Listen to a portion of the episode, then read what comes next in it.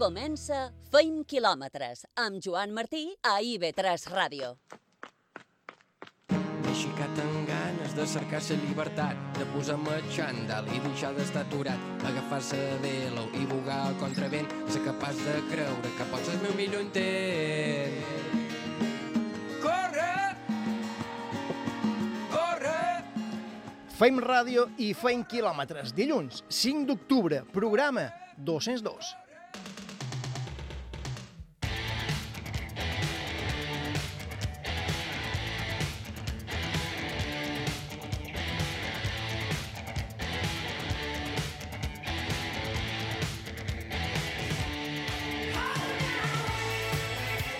Entrevistam avui Alejandro Forcades, que s'ha proclamat subcampió d'Espanya de trail running a El Paso, a la illa de La Palma. 44 quilòmetres de recorregut per muntanya, amb un desnivell acumulat de gairebé 6.000 metres. Parlarem amb ell.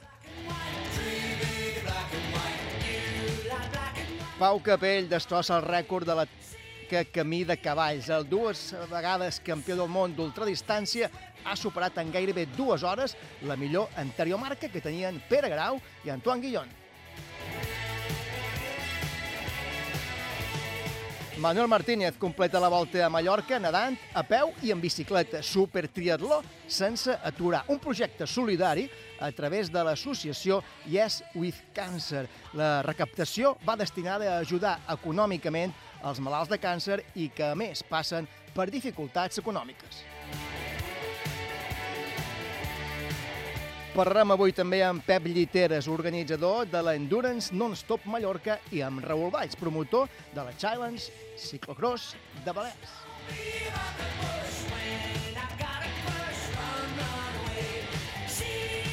I avui a l'avituallament ens fem una pregunta. Quina relació directa hi ha entre flexionar l'espatlla amb càrrega i els problemes lumbars? En parlam amb Lucía Barca, fisioterapeuta, infermera esportiva i coach nutricional de Menorca Trainers.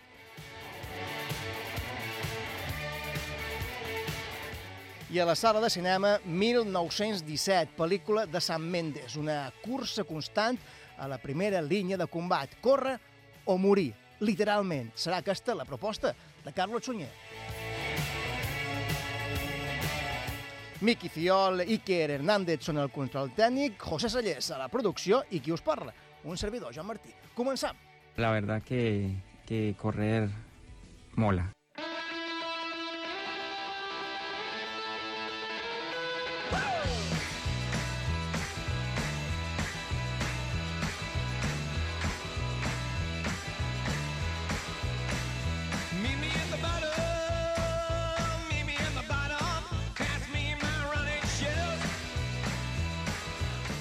Ho dèiem ara en els sumaris, Alejandro Forcades s'ha proclamat subcampió d'Espanya de trail running a El Paso, a La Palma, recorregut de 44 quilòmetres per muntanya amb un desnivell acumulat de gairebé 6.000 metres. És així o no, Alejandro? És així, bon vespre. Bon vespre, com estàs? Molt bé. Gairebé acabes d'aterrar, vas aterrar i vespre. No, no, per sort ahir ja, ja vaig poder ser per aquí.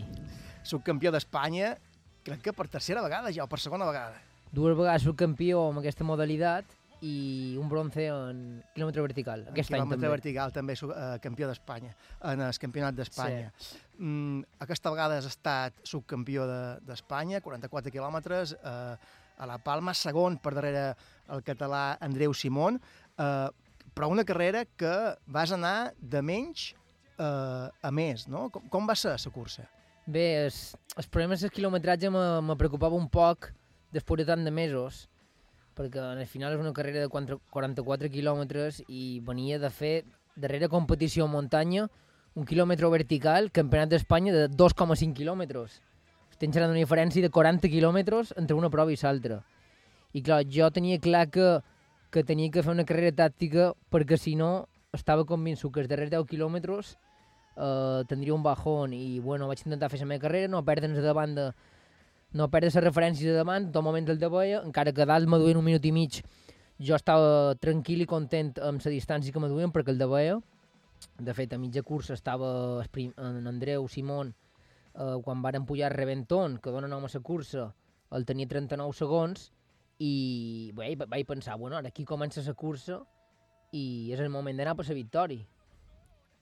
I més, eh, una batalla molt igualada eh, que vas tirar de- d'estratègia eh, i vas arribar superant en Said Malek, perquè hi ha un moment que ell anava tercer. Sí, ells dos varen, varen fer cap de cursa, la primera pujada, varen fer una baixada central que hi havia molt llarga, on eh, se, els vaig retear quasi un minut baixant, i en el peu de, de la segona pujada, que era la més, la més inclinada i, i forta, va ser com vaig atracar ells, vaig adelantant en Zaid, i n'Andreu mantenia un poc de distància, estàvem a 39 segons, com t'he dit. Varen O sigui, córrer en Said eh, i, i n'Andreu Simón comandaven la cursa fins a la meitat i a la meitat va ser quan tu vas dir ha arribat Alejandro Forcades eh, Sí, per, era, era per, punt... per, per lluitar també per Era el aquestes... punt on tenia pensat apretar, perquè era un mig quilòmetre vertical en dos quilòmetres i... Clar, en en Said el vas deixar darrere. Sí. Eh, vas veure opcions de lluitar per títol també a partir d'aquesta segona part de, de la cursa? Bé, després de- de- d'arribar al punt eh, pràcticament més alt de la cursa, venia un tram, un tram de 6 quilòmetres que era molt corredor, molt pla per una pista que anava per, per damunt les muntanyes. I varen perdre en Andreu de...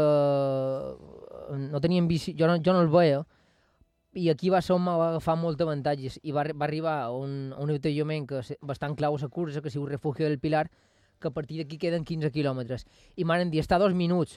Clar, m'ho va sorprendre molt, però bueno, en cap moment eh, pensava que dos minuts no, no fossin recuperables en 15 quilòmetres i més per avall.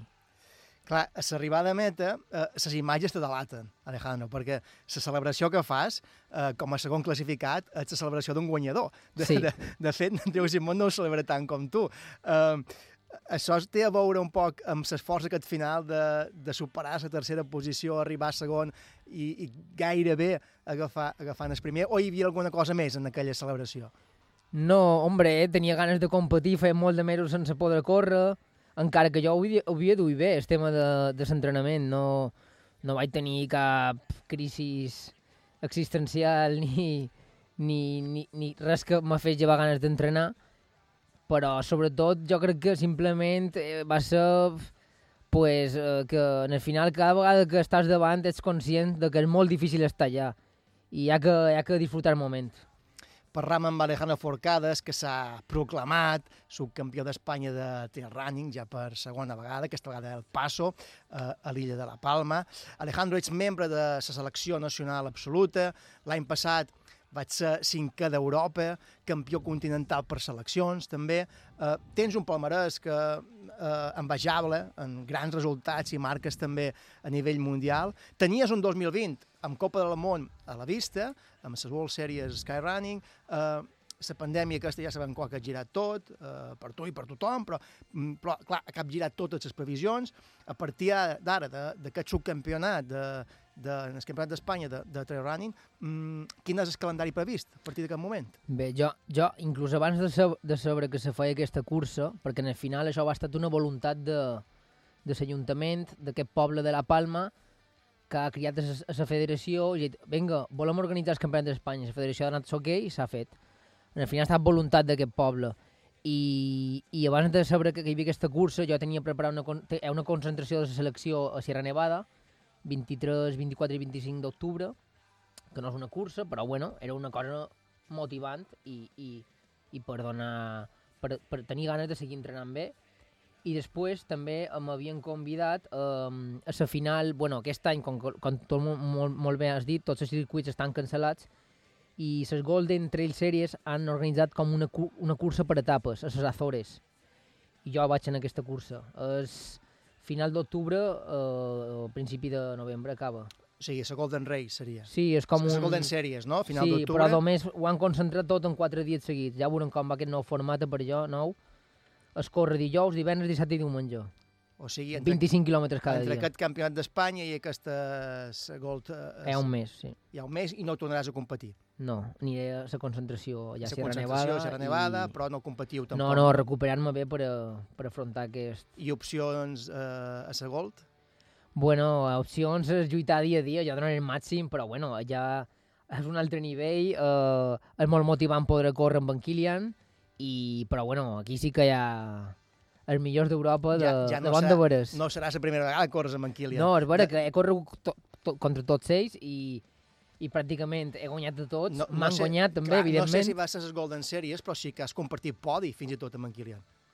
Sí, bueno, era, va ser quin classificat, però bueno, si era un podi de 5, no de Eh, Era un 3. podi de 5 i vas poder... Andorra i a Ah, Cegama. exactament. I a Cegama, Cegama. Izquiorri, que vas fer 5 Sí, i ell va fer... prima, Prima, prima. les dues curses, tant com a Pedrosa com allà. Sí. Alejandro Forcada, subcampió d'Espanya de trail running El Paso, eh, a La Palma, molta sort en aquesta concentració que fas ara en la selecció nacional i molta sort també en aquestes Golden Series i, i a veure com va, te seguim, te seguim de prou, com sempre. Uh, moltes gràcies, Joan, i enhorabona a tu i tot l'equip per, per aquests 202 programes i Ja 4 entenc, anys. do- 202, sí, Ens- sí. Per cert, l'any passat havies firmat aquest acord amb, amb el Boat Fit System, En- Sí, en so... han renovat, continuen endavant amb, amb el patrocini. sí, sí, continuaré i, i la veritat molt content, molt content. Enhorabona, Alejandro. Gràcies. Te seguim. Visca fent quilòmetres!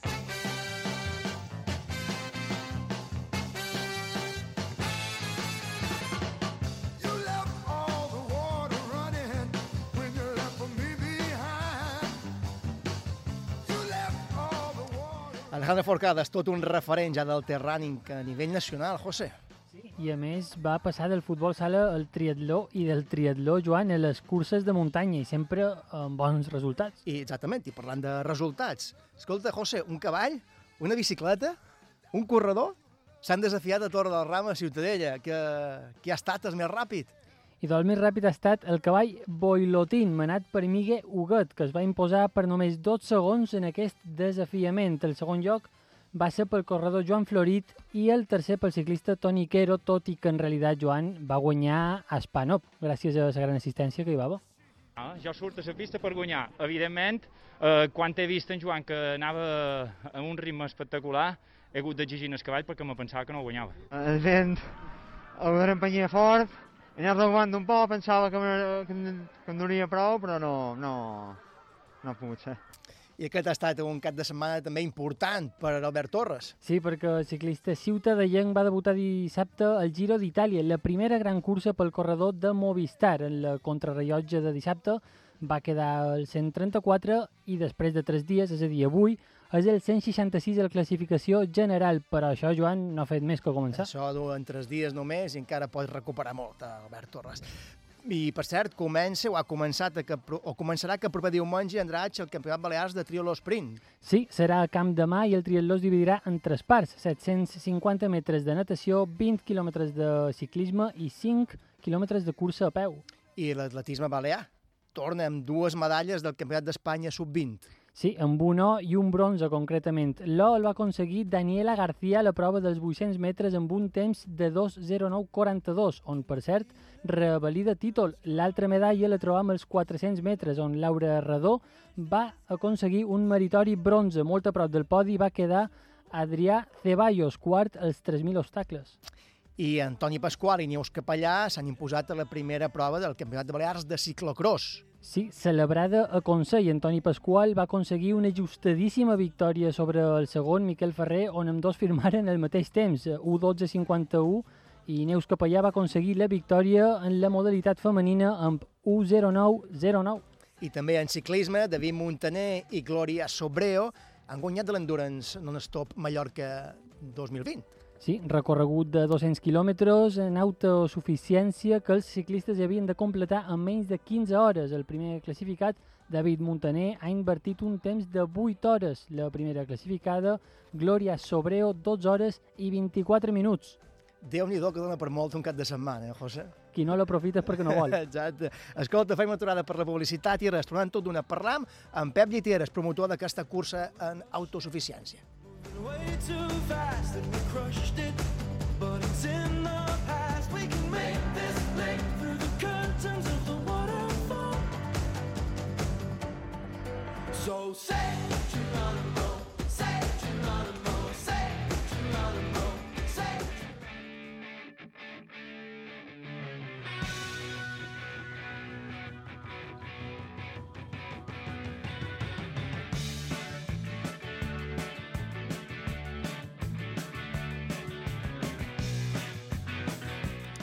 Tornant aquí, continuem a fent quilòmetres, ho dèiem abans, David Montaner i Glòria Sobreo han guanyat aquesta segona edició de l'Endurance Non-Stop de, de Mallorca. Parlam A continuació, amb en Pep Lliteres, principal promotor d'aquesta prova, única a les illes per les seves característiques, 200 quilòmetres de bicicleta de muntanya i en autosuficiència que els ciclistes han de completar en menys, en manco de, de 15 hores. On way or another. Aquest camí o un altre camí.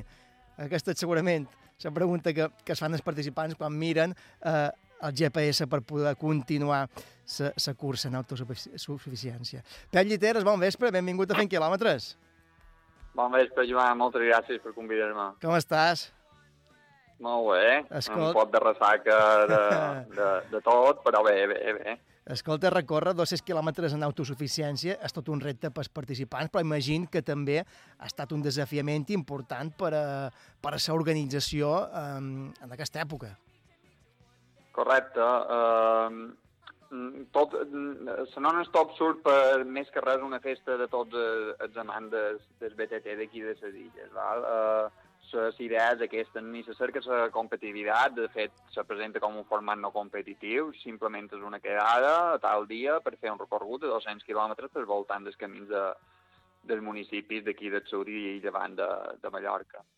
Uh, ha de ser un repte perquè, clar, tot, tot enguany, degut a les circumstàncies, tot convidava a que se suspengués uh, i jo, per mes de març, abril-març, uh, ve que totes les proves estan cancel·lant. Aquí és bastant habitual tots els que feim BTT apuntar-nos a curses a la península o inclús a nivell internacional i ve que tot està cancel·lant i la gent se, desmo se desmotivava bastant. I vaig pensar, mira, vaig obrir una finestra, veurem si obrint inscripcions la gent pot continuar amb aquesta mica d'esperança i de motivació per continuar entrenant eh, en aquells moments tan complicats que teníem.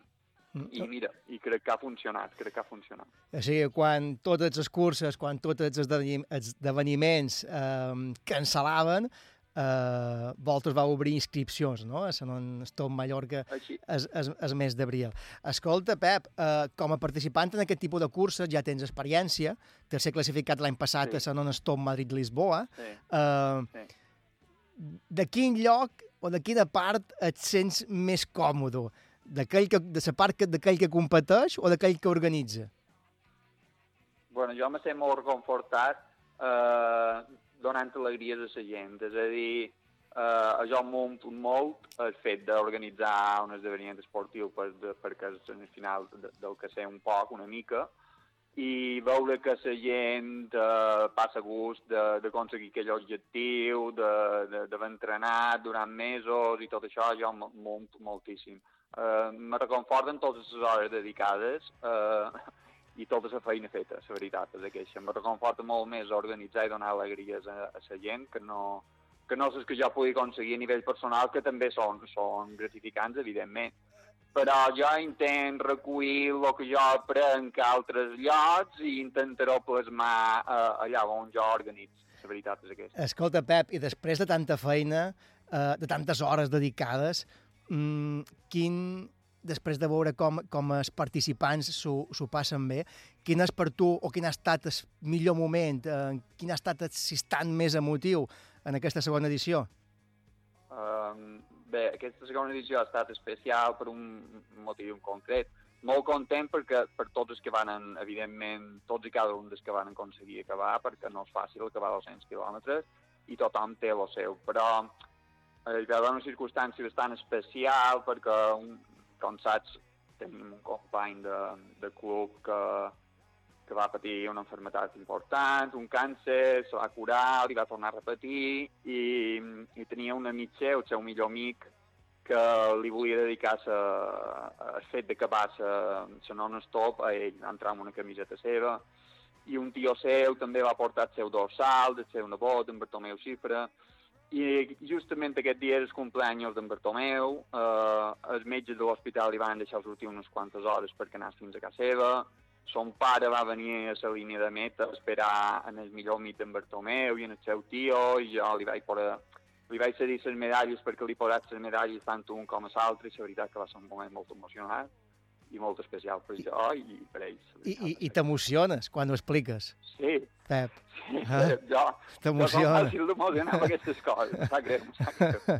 Uh, veig que t'agrada, que és cert, que t'agrada donar alegries a la gent i sobretot que, que s'ho passin bé. Ja, ja tens experiència en la primera edició, superada aquesta segona en tots els entrebancs que hi ha hagut i després d'aquesta emoció sentida, uh, la tercera ja deu estar en marxa. Sí, sí. Uh, jo sempre que vivo una mica més enllà, també això l'experiència m'ha anat els anys organitzant proves i, i sempre que vivo uh, l'any següent. Uh, la veritat que intentaré lluitar perquè hi hagi una tercera edició, com sempre hi haurà entrebancs i, i ja ho sabem, que mai és fàcil, qualsevol organitzador ho sap, i intentarem lluitar.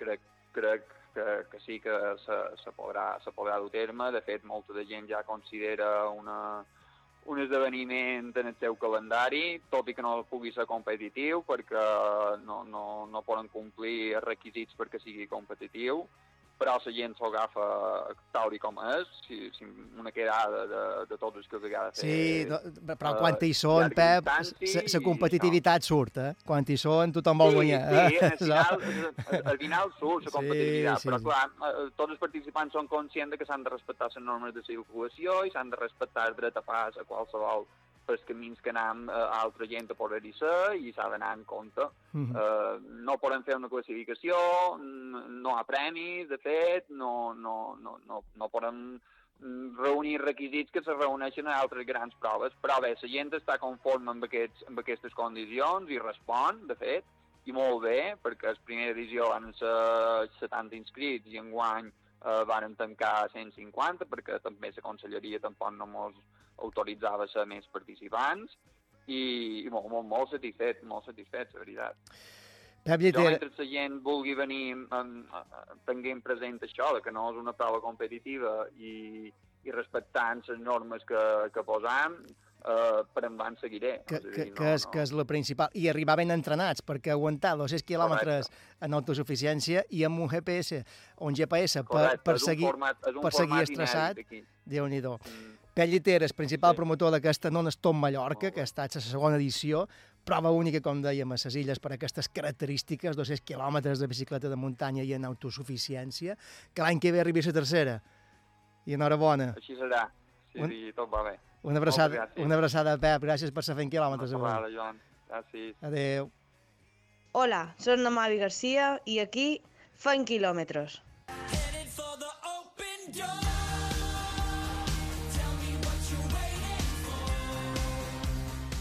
Continuem, no, no baixem de, de la bicicleta perquè aquest cap de, de setmana, dissabte, s'ha disputat a Consell la primera prova de la Challenge Illes Balears de ciclocross, també una primera prova en què, que ha coincidit també amb l'inici de la Mallorca Cycling Festival. Raül Valls, promotor d'aquest festival internacional de ciclisme, bon vespre i benvingut també a Fent Quilòmetres. Bon vespre, com estàu? Vos escoltava uh, atentament. Amb en Pep, amb en Pep Lliteres. Amb en Pep, bon Eh, company també. Escolta, com, com es presenta aquesta segona edició de la Mallorca Cycling Festival? Bueno, siguem sincer, eh, rara, no? Però amb il·lusió, i amb il·lusió i ganes i és eh, acostumar-se a morir, així que nosaltres som d'acostumar-nos i se presenta amb una versió eh, més online que no física, no, ja sabeu que no podem celebrar eh, grans eh, esdeveniments amb multitud de gent com l'any passat, que passaren més de 15.000 persones en, en un eh, cap de setmana en aquesta fira, i, i enguany eh, que hem preparat bueno, pues durant aquest mes d'octubre, que durant aquesta setmana, final de setmana passarem i ja serà pública tota la programació, eh, bueno, diferents eh, trobades, conferències, cafès amb eh, professionals eh, del món de, del ciclisme, que a molta gent li farà il·lusió trobar-se i poder fer un cafè amb, amb professionals eh, actuals i també de, de, de, de la història del ciclisme. bueno, diferents activitats i, i sobretot, eh, bueno, tenim un mes d'octubre, ja que no poden tenir festival com va ser aquella primera edició de l'any passat, eh, el manco que no quedi orfe aquest 2020 i ja pensant eh, que 2021 tornarem a fer eh, allò que vàrem fer l'any passat i encara sigui millor, no? Clar, la primera edició va ser un èxit rotund, per ser la primera, mil, qui- 15.000 visitants, 15.000. 500 participants. Clar, aquesta segona edició per amor de les restriccions del Covid, clar, per, per, per el límit de, de participants, queda més com una edició d'impàs, no? Sí, sí, perquè bueno, nosaltres des de principi, clar, hem de pensar que nosaltres eh, l'any passat, quan se va començar el Mallorca Cycling Festival, amb tot el suport que, que se va rebre per part també de, de les institucions i de tot el sector del món de, de, del ciclisme de, de Balears, que els estem eternament agraïts, perquè sense ells no seria possible. Um, en vista de, de, de Saxi, no?, i l'acollida que va tenir, en primer lloc, eh, aquí eh, en el sector a les Illes Balears, i després també tot el públic eh, internacional, eh, van dir, bueno, enguany m'ho havien de posar eh, de bones, no? Així que ja des de tot el que va acabar l'any passat mos hi varen posar a fer feina. Clar, el març va ser un cop fort, però ja mos varen començar a plantejar i a veure com ho podíem fer. De fet, el festival estava organitzat com si fos fase 2, uh, en fase 2, ja eh, el format ja era diferent, però tot i això les coses han anat encara pitjor, per tant, ja no mos quedava alternativa. Confiem era que no hi vagin bueno, més, que, que s'aturi aquí ja. El pla C era online, no? Així que eh, així ho tenim, així ho farem. Algunes activitats seran presencials, amb aforament eh, limitat, però, com dèiem, amb ganes i amb il·lusió de que mm, aquest 2021 eh, torni en van, no? A més, també ens va agradar, tot i que totes les circumstàncies, de la 312, per exemple, que va passar d'abril a la setmana després, eh, aquest proper 10 d'octubre, que havia de ser, Mhm. tampoc no ha pogut ser, bueno, ens quedava un octubre perfecte, no? Teníem l'inici de Challenge, el Mallorca Cycling Festival, la 312, bueno, teníem un octubre ple d'activitats i ple de coses, però finalment tampoc no ha pogut ser. Eh, sortides en família, exhibicions, demostracions, tot això va ser l'any passat. Enguany, dins aquestes mesures que s'han de complir, eh, quin seria el, el plat fort? Bueno, el plat fort seran els cafès amb. Um, no te puc avançar. Això t'anava a dir, que qualque, abans algun nom. Però me tocona- Qui durà, qui duràs, qui duràs? Tocona, aquí sí que Eh? m'ho- Qui, demanaràs. qui, qui, qui mos duràs, qui mos duràs?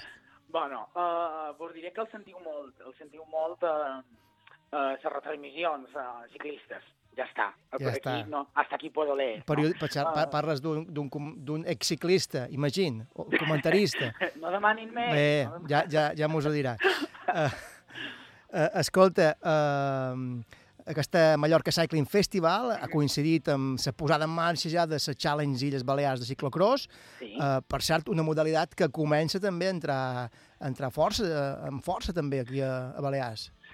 Sí, la veritat que sí, tant a ciclocross com a gravel, uh, la veritat que nosaltres vam passar ja en la primera edició del Mallorca Cycling i vàrem apostar moltíssim, uh, tant uh, amb la prova de ciclocross que se va organitzar uh, en el festival, com també uh, la Boca Gravel Raid, que enguany eh, no l'hem pogut celebrar i que l'hem aplaçada, uh, vàrem apostar molt. I enguany hem d'agrair moltíssim tant a la Comissió de Ciclocross com a la Federació Balear de Ciclisme que hagin confiat en nosaltres per dur a terme l'inici de la challenge, de fer un calendari uh, amb set proves, vull dir que, que, no, que no és uh, a molt de llocs de, del món on puguin dir que tinguin set uh, cites amb, uh, amb, una challenge, i, i a més a més que nosaltres en puguem organitzar dues, en aquest cas uh, s'inici, sé, i 28 de novembre en Draig, per tant, eh, és una modalitat que està agafant molt de, molt d'adeptes, molta de gent, eh, i, i que a més és molt divertida, la I, veritat. I ara que aquest de setmana següent ja serà dia 24 a Camp Picafort, crec, no? La següent prova. Exacte, sí, Mm. sí, sí. És a, és a Camp Picafort, la segona, la segona cita, i, bueno, així, eh, amb set eh, cites més, que, com dèiem, eh, hi ha molta implicació, tant per part de, dels I, clubs... eh, I una d'elles, a més, crec que és Campionat de Balears, no? Si no vaig equivocat. Sí, sí, sí, a, a Lloret, eh, el Club Ciclista de Lloret, que des de d'inicis de la Challenge de Ciclocross de Illes Balears han estat sempre al capdavant i, i ja t'he dit que, a més, eh, tot i que cada un organitza un poc a dins del seu racó, no?, eh, entre tots fem molta de pinya i també els hem d'agrair, per exemple, que aquest cap de setmana han estat amb nosaltres perquè també era com a, a la prova de foc, no? Veure men què passarà, com ho farem, la gent, tothom amb la mascareta... I La primera, com- comença la primera, no? la challenge, ciclocross. Exacte, no? I com, bueno, ja veurem què li passen els primers. Tot és començar, sempre. I, Exacte. i, i adaptar-se a les circumstàncies. Raül Baix, promotor de la Mallorca Cycling Festival i un dels promotors també d'aquesta Challenge Illes Balears de ciclocross. Res, enhorabona per la feina, moltes gràcies i molta sort en aquesta segona edició, que ja divendres, eh? Ja divendres vos avisam i ja, ja te- ja t'escriuré, ja. Ja, vos- Ja, ja mos diràs qui, ja diràs qui ve. Amb aquí hem de fer el cafè. Amb aquí hem de fer el cafè. Gràcies, Una. Raül. Una abraçada. Adéu. Adéu, adéu. Hola, som en Mario Mola i aquí faim quilòmetres.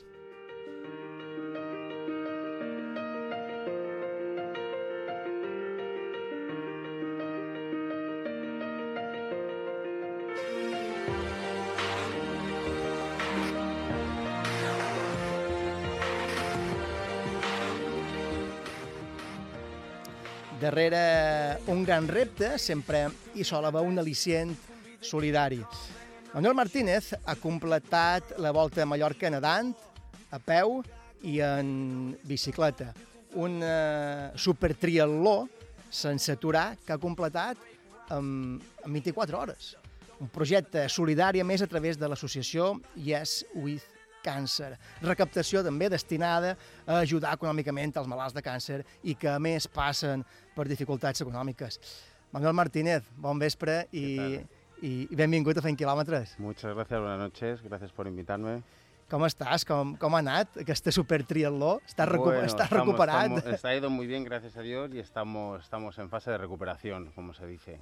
Pero bueno, la verdad que fue muy bien todo. El tiempo no, no acompañó mucho, pero lo, lo- lo pudimos sacar adelante. eh, 10 quilòmetres de natació, 300 quilòmetres en bicicleta, que això gairebé ja et sa volta sencera a Mallorca, i 50 quilòmetres de córrer a peu. Eh, podem dir que això, no? que prova superada i Sí, amb bueno, nota. Sí, prueba superada, con nota. eh, lo que es lo deportivo, pues efectivamente se superó con nota, pero lo, lo- lo más importante fue lo que se superó a nivel humano, ¿no? por decirlo de una manera, en este tipo de pruebas. Lo que se consiguió, que era un poco lo que buscábamos también, fue ese llamamiento de la gente, eh, esa solidaridad y todo eso se superó con creces. Ya un poco fuera de lo que es la parte deportiva, que, bueno, bajo mi punto de vista es algo tanto mucho más importante ¿no? en este tipo de retos. Vas començar amb els 10 quilòmetres de natació, des del Club Natació de Serenal, Sí, bueno, fins, fins, a, fins a Cala Blava, no? Bueno, Era a- aquesta a- era la idea inicial. Esta era la idea inicial, efectivamente, había que nadar hasta Bahía Blava, pero era imposible por, por el temporal que hacía Claro. y hicimos los 10 kilómetros.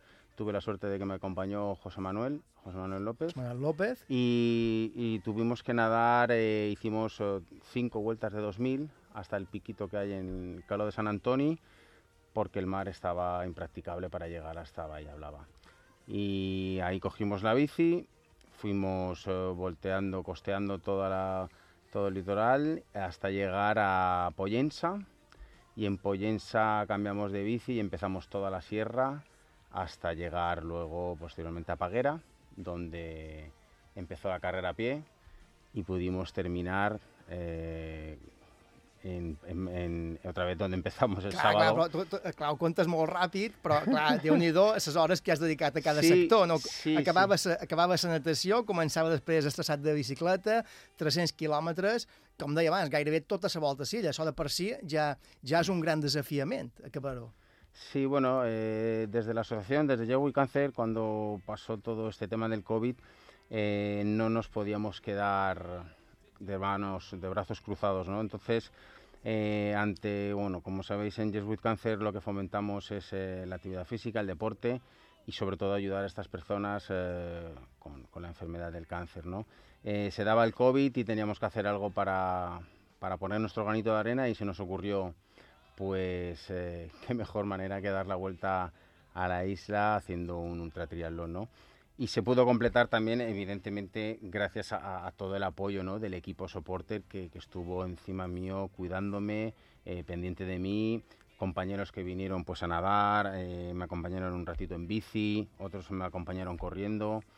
Por eso digo que fue, fue una experiencia muy bonita y, y muy a tener en cuenta. Entrevista amb Manuel Martínez, que ha completat, com bé explica, la volta a Mallorca nedant, a peu i en bicicleta, una volta de 360 graus i 360 quilòmetres. també. 360 kilómetros, exacto. Després del sector de nedar i córrer, quedaven encara els 50 quilòmetres de córrer a peu, de Calvià. Eh, Sí, desde empezamos a, a correr en Paguera, desde Paguera hasta Calo de San Antoni, otra vez.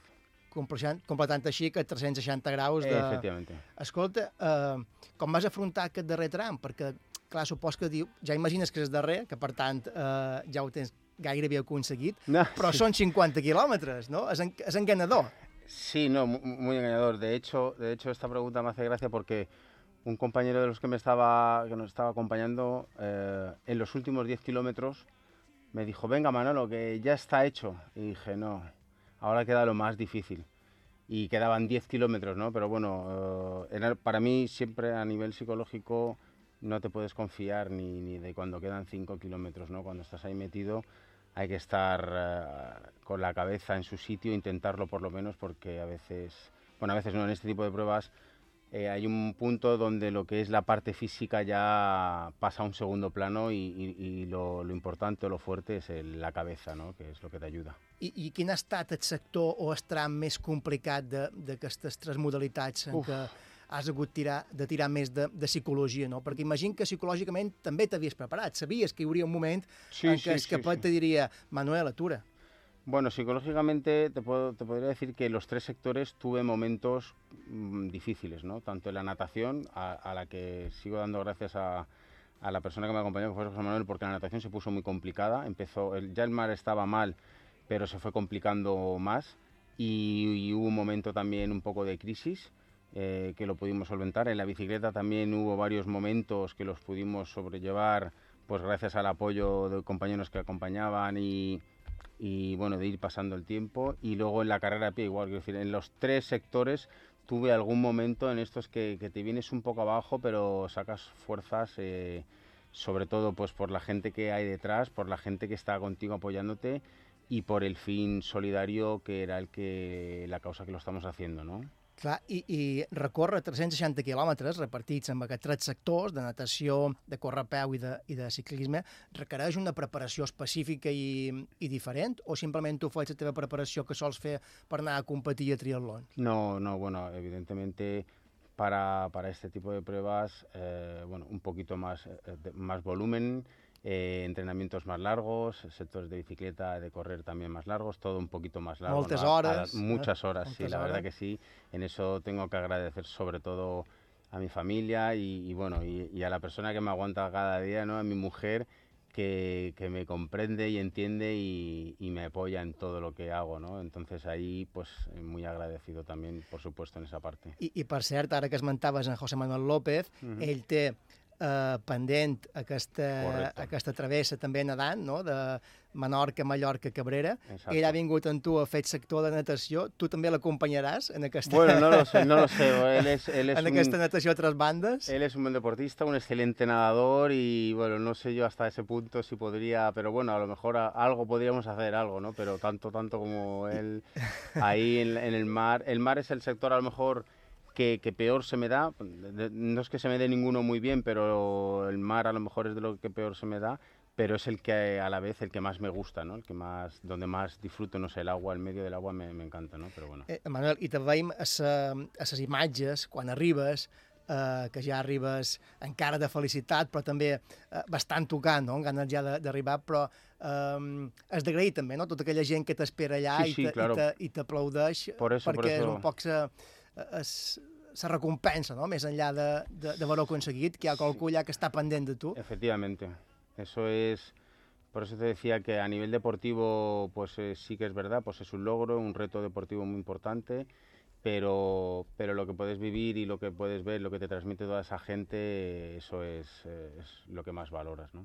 Ha estat un repte físic, psicològic i també solidari, que Sí. és, és el més important. Sí, mm, todo, bueno, como bien has dicho tú, era es, eh, este reto solidario, Llevo Cáncer 360 es para recaudar fondos para las personas que tienen familia, o sea, perdón, para los familiares con personas con cáncer y que están sufriendo la crisis del COVID este año. Todo va para íntegro para ellos. S'han aconseguit un poc les expectatives? Sí, bueno, estamos, estamos en ello. Vamos a seguir trabajando con este proyecto durante todo este año, eh, con el merchandising que hemos hecho de camisetas, eh, hemos abierto una cuenta, eh, todo destinado íntegramente con ellos, con ayuda de los asuntos sociales eh, I municipales. qui vulgui col·laborar pot entrar a la web, a la pàgina, en el, fe, en el Facebook de Yes With de Yes Cancer. with Cancer, y ahí i está la pot fer cuenta, está el merchandising, efectivamente. El que dèiem, darrere un gran repte sempre hi sol haver un al·licient solidari. Manuel Martínez, com deien, que ha completat la volta a Mallorca nedant, a peu i en bicicleta, una super triatló. Moltes gràcies, Manuel, per estar aquí a, a, a fent quilòmetres i, i res, te seguim de prop perquè segurament que darrere aquesta en ve una altra. Sí, vendrán, vendrán más, Dios quiera que sí. Muchas gracias por, por avisarnos. Muchas Gracias, Manuel. Adeu.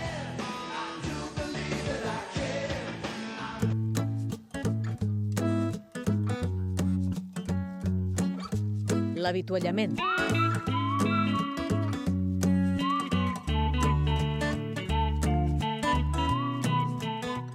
Obrim consulta, tenim ja Lucía Barca, fisioterapeuta, infermera esportiva i coach nutricional de Menorca Trainers. Lucía, bon vespre, com anem? Bon vespre, com estàs? Molt bé, molt bé. Has vist quins supertriatletes que han tingut avui? Un Uau. subcampió d'Espanya de trail running, ara mateix eh, Manuel Martínez, que ha fet la volta a Mallorca nedant, corrent, en, en bicicleta. Tenim uns autèntics atletes en aquestes illes, eh? Desde luego, desde luego. Debemos estar muy orgullosos I todos. tant, i tant. Escolta, avui m'ho fem una pregunta. Uh, hi ha relació entre flexionar uh, l'espatlla mm, per aixecar pes, per agafar una càrrega i uh, dolor lumbar? Mm, certament no ho hem de fer? És dolent? Hi ha relació? Pues mira, eh, tenemos fuertes creencias eh, sobre la asociación entre el levantamiento de cargas con la columna lumbar flexionada como causa de dolor lumbar, ¿no? Desde, desde siempre lo hemos oído. Ah, sobre todo nos dicen que debido al resultado de mayores fuerzas de compresión y de, y de cizalla eh, que se produce, podemos, podemos generar esto en la columna, ¿no? Y, y como resultado de esta información que, que nos acompaña desde hace tiempo, existe un bombardeo de consejos ergonómicos sobre estos peligros de levantar cargas con espalda flexionada y, y toda esa información sobre, sobre ergonomía postural. Sí que I, es cierto. i, I què diuen els estudis i la ciència en aquest, en aquest sentit? Pues mira, si nos basamos en estudios, eh, encontramos una reciente revisión sistemática con metaanálisis ah, que se ha visto que la angulación de la columna cuando levantamos cargas no difiere entre la población con dolor de espalda frente a la población sana. Y nos quedamos como, "Uep, mm, cuidado, que igual esto no es lo que pensábamos de siempre. Y además se observa como la calidad de la evidencia científica al respecto pues no era de muy alta eh, calidad como para extrapolarla a la población en general, ¿no? Es decir, mm, no existe evidencia a favor de la creencia de que levantar cargas con la columna flexionada esté asociado al desarrollo, a la aparición del dolor lumbar. Pero sí existe evidencia de baja calidad a favor de que una falta de asociación entre ambos factores puede causarlo. Ahora no sé si os he liado. Bueno, això, això com ho hem d'interpretar? Que- Com ho hem de llegir? simplificando, el hecho de que no exista evidencia a favor de la relación y la que hay eh, es de menos calidad, ah, no quiere decir que no debamos tener en cuenta eh, que la técnica, eh, que hacer esta técnica puede ser un riesgo de lesión, sino que probablemente no sea tan importante como creíamos. Es decir, ah, que no siempre que nos agachemos va a ser malo, va a ser motivo de dolor de espalda, como se, como se pensaba hace unos años. ¿no? Y al respecto de esto hay otro estudio que se realizó eh, in vivo mediante una prótesis de disco que permitía, fíjate, medir las cargas compresivas sobre ese nivel lumbar, ¿no? La ponían sobre el E1. Y, y se observó que solo se aumentaban las cargas en la lumbar, esa compresión, cuando nos levantábamos doblando la espalda, un 4%, cuando hacíamos esa bisagra de cadera alejada del cuerpo. Así que en comparación a un patrón de sentadilla, ¿no? De, estamos comparando doblar el cuerpo, ¿no? doblarnos por la mitad o hacer como una sentadilla. Entonces solo había un 4% de diferencia y esto, esto tiene que darnos que pensar. Clar, i, I per què diuen que hi ha mm, poca evidència? Pues fíjate, esto es curioso porque la gran mayoría de estudios que se valoraban ah, realizando las cargas compresivas de flexión en la columna se hacían en cadáveres. Entonces, ah, esto lo hace difícilmente extrapolable a la, realidad. Porque, claro, I, i cuando- perdona, jo crec que eh, tinc entès també que es fan en, en cadàvers de, de tot, d'animal, no?, i tot. Sí, de cerdos se habían hecho la gran mayoría. Bueno. Sí, sí, para, para extrapolar esas cargas y, y, y poder realmente ver cómo. Pero claro, ahí quitas otros factores muy importantes, como es la acción muscular, que es lo que te, lo que te protege, ¿no? I, per tant, podem dir que eh, aixecar una càrrega forçant l'espatlla no està comprovat que sigui causa de dolors lumbars. Sí, en esto ah, tendríamos que individualizar. como siempre, depende de cada persona. Ah, si una persona tiene una musculatura eficiente, que trabaje como toca, aunque tenga lesiones, ah, puede hacer ese gesto y no tendrá problema. De hecho, ah, imagínate, incluso una persona que tenga una hernia y que eh, fortalezca su musculatura, haga un ejercicio como, como el peso muerto, que es ideal para eso, que es, es, un ejercicio ideal para fortalecer en, en, en, esa espalda, siempre progresivamente, y si tienes lesiones siempre de mano de tu fisio, uh, podría levantar peso haciendo esto y no tendría ningún problema, siempre que su musculatura le proteja y no le, no le genere dolor y no sea un peso excesivo. Uh, en personas con antecedentes de dolor de espalda, eh, pues aquí tendríamos que mirar cada caso, ser prudente y simplemente pensar que igual esa persona si fortalece pues tampoco tendría problemas y podría hacerlo. En personas que están en fase aguda o que están muy débiles, pues ahí sí que habría que tener quizás un poco más de cuidado porque igual podría ser lesivo. Pero bueno, está cambiando un poco la tendencia, cada vez tenemos más estudios uh, que nos están diciendo que, mm, bueno, quizás no, no era tan malo como pensábamos y simplemente eh, eh, hay que eh, adaptar-nos i, i, bueno, que estamos hechos para mover-nos. I... Això sempre. És perquè, clar, és, és cert que quan una persona pateix de, de lumbàlgia o té mal d'esquena o té dolor lumbar, eh, quan eh, va a veure el traumatòleg o el metge, mm, una de les primeres preguntes que, que li fan sempre és si ha fet un pes o ha agafat un pes excessiu o ha fet un mal moviment. Això és una pregunta que es fa sempre.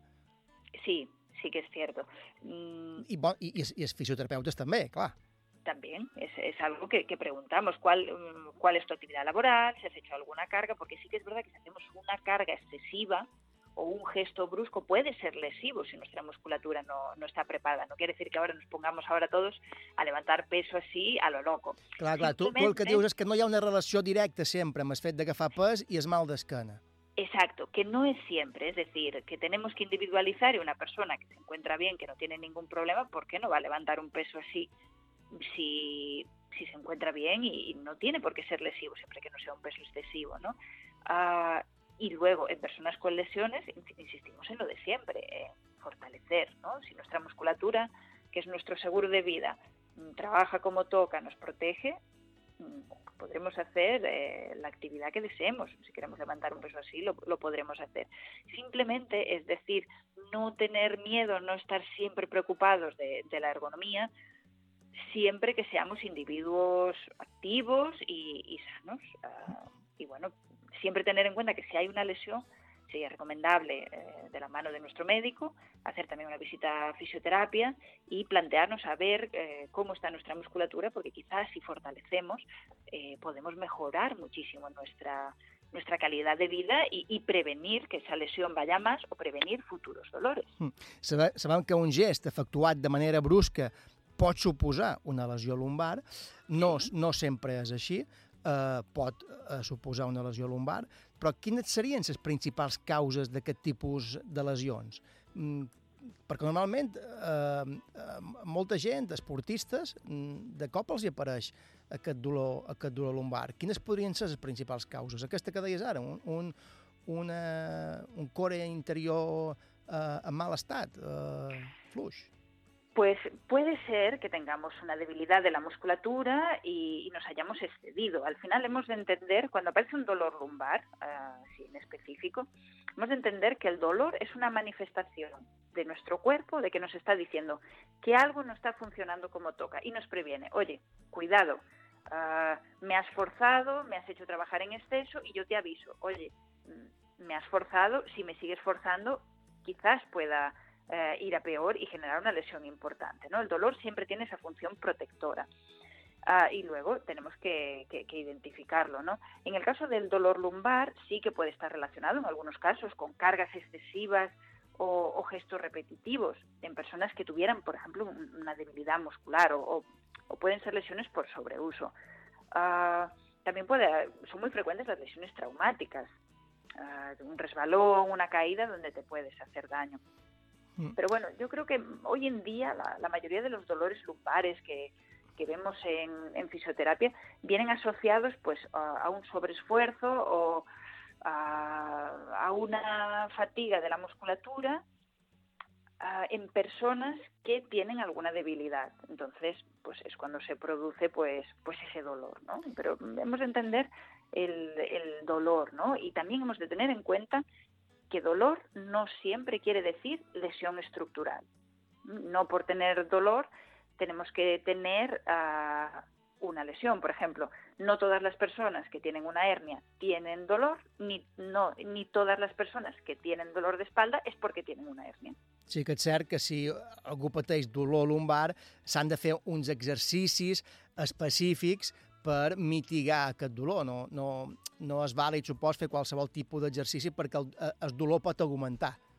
Exacto, exacto. Aquí esto que dices es fundamental. Deberíamos individualizar. Primero, una valoración, por ejemplo, por tu fisioterapeuta. Venga, vamos a ver cómo está tu musculatura, cómo te mueves. Una valoración estática, dinámica. Bien, y una vez que tengamos una evaluación de cuál es el estado de a nivel ah, físico de, esa persona, diseñaríamos un plan individualizado de trabajo y progresivo porque no, no posiblemente en dos usuarios, dos, pacientes con dolor de espalda no tengan el mismo patrón. Y uno puede tener una debilidad en la musculatura de los glúteos y que por ahí esté forzando, y otro puede tener una debilidad en la musculatura de- del core. Y eh, por ahí eh, tenemos que abordarlo diferente. Y luego, pues eso, progresivamente ir trabajando eh, en esas áreas débiles hasta conseguir que esa persona pueda hacer las actividades que desee sin dolor y estando protegido y sintiéndose bien y sintiéndose fuerte. Siguin o no siguin esportistes, el més important sempre per evitar aquest dolor lumbar que a vegades apareix sense que eh, eh, algú s'ho esperi o sense que tu esperis, eh, important prevenir i per això està bé fer cada dia un poc, una mica d'exercici, no?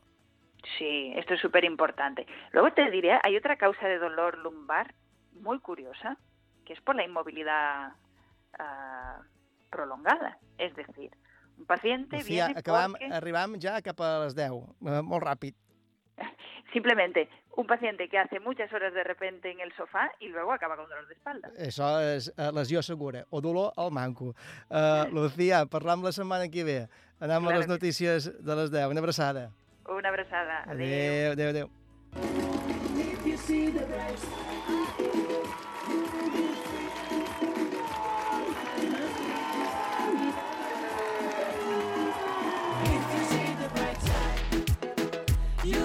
L'entrevista.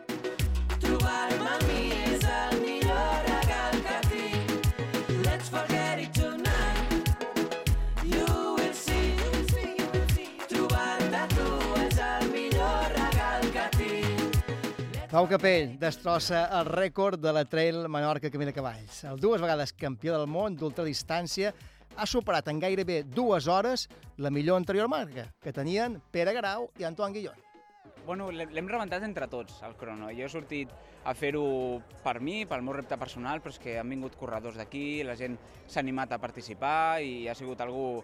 Bueno, ha sigut l'essència del trail running. Crec que hem viscut algo molt especial que jo no oblidaré mai. L'essència del trail running, una cursa contrarrellotge que el protagonista, com bé heu sentit, ha dit que no oblidarà mai. Pau Capell, bon vespre, benvingut novament eh, a Fent Quilòmetres. Moltes gràcies, bon vespre. Què tal? Enhorabona, prova superada. Uh, sentíem ara els instants de, de l'arribada. Quina emoció, Pau, eh? Quina emoció Sí. quan, quan arribaves a meta. Se te veia la cara. Sí, sí, sí. Després, després d'unes hores, quan, quan et pares a analitzar-ho, encara emociona més, no? Perquè, perquè bueno, encara ho valores més, valores tot el que es va viure i, i bueno, en el moment aquell, en l'arribada que, que podíem escoltar ara, va ser impressionant. Eh, Ciutadella estava volcada a Menorca, estava volcada en, en aquest repte i, i em vaig sentir acompanyat i molt estimat i això, bueno, després el resultat és una cosa però el que t'emportes al final de la vida és això, no? aquesta estima de la gent i Per- estic molt agraït. Clar, imagino que havies, clar, havies preparat molt bé eh, aquesta prova, però sobretot havies visualitzat aquesta, aquesta arribada.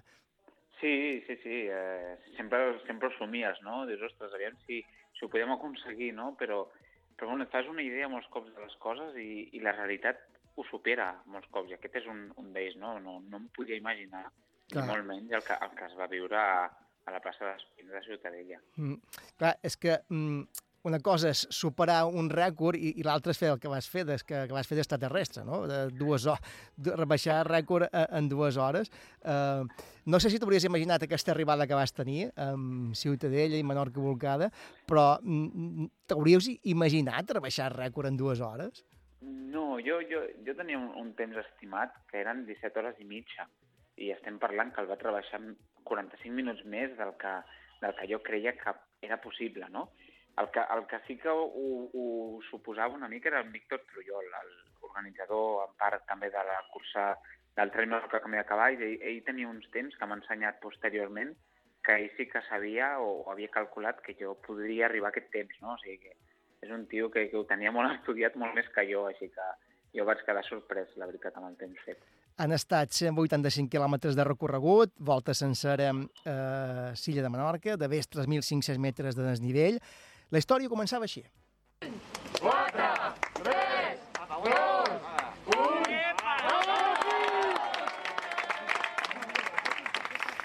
La sortida ja no va ser fàcil perquè el temps tampoc acompanyava, no? Una miqueta de vent, pluja...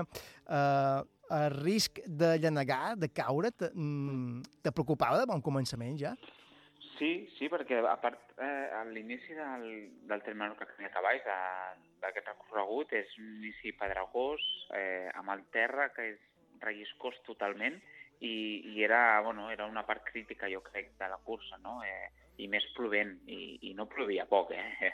La veritat que, que jo intentava convèncer-me de que plovia poc, però la veritat que després veig fotos i els vídeos que he vist i dic, ostres, estava caient una bona, eh? I, però bueno, va durar 4 o 5 hores, un cop va passar la pluja, el cel es va obrir i, i es veia la lluna preciosa.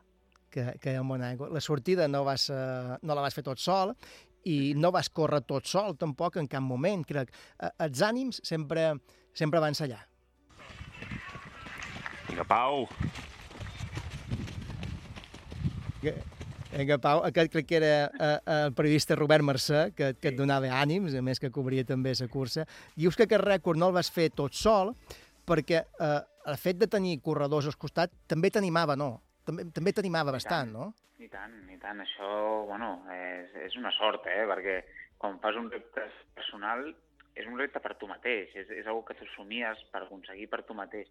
I això dit així molt ràpid és molt egoista, no? Perquè al final estàs parlant de la teva pròpia persona, però quan això ho intentes combinar amb la gent de la illa i gent de fora que, que va a la illa per ajudar, dius, ostres, no és un repte personal, és un repte d'un grup de gent que, que vol aconseguir un temps, no? I després jo, jo lògicament, doncs, corria tot el recorregut, però sempre vaig tenir gent de Menorca que, que es anava animant en, en el recorregut i, i corria 5 quilòmetres, 10, 20 o 30, no? Com va haver-hi algun altre corredor que, que va córrer bastant més. I entre aquests corredors hi, hi havia un que crec que ja ens escolta, Javier Pons, bon vespre, benvingut, fent quilòmetres. Hola, bona nit. Com estàs? Bé, bé, molt bé. Javi, tu vas participar d'aquesta volta, vas córrer un tram amb en Pau, formes part una miqueta d'aquest rècord també. Uh, vas tenir temps de saludar-lo o no? Sí, bueno, només en el principi, però, eh? Escolta, com, com el veies en, en en Pau? bueno, estava molt concentrat i, bueno, vam fer un pot de xerrata en el principi, però, bueno, el ritme que duia ell i que volia imposar era, era un poc exigent com per anar xerrant gaire.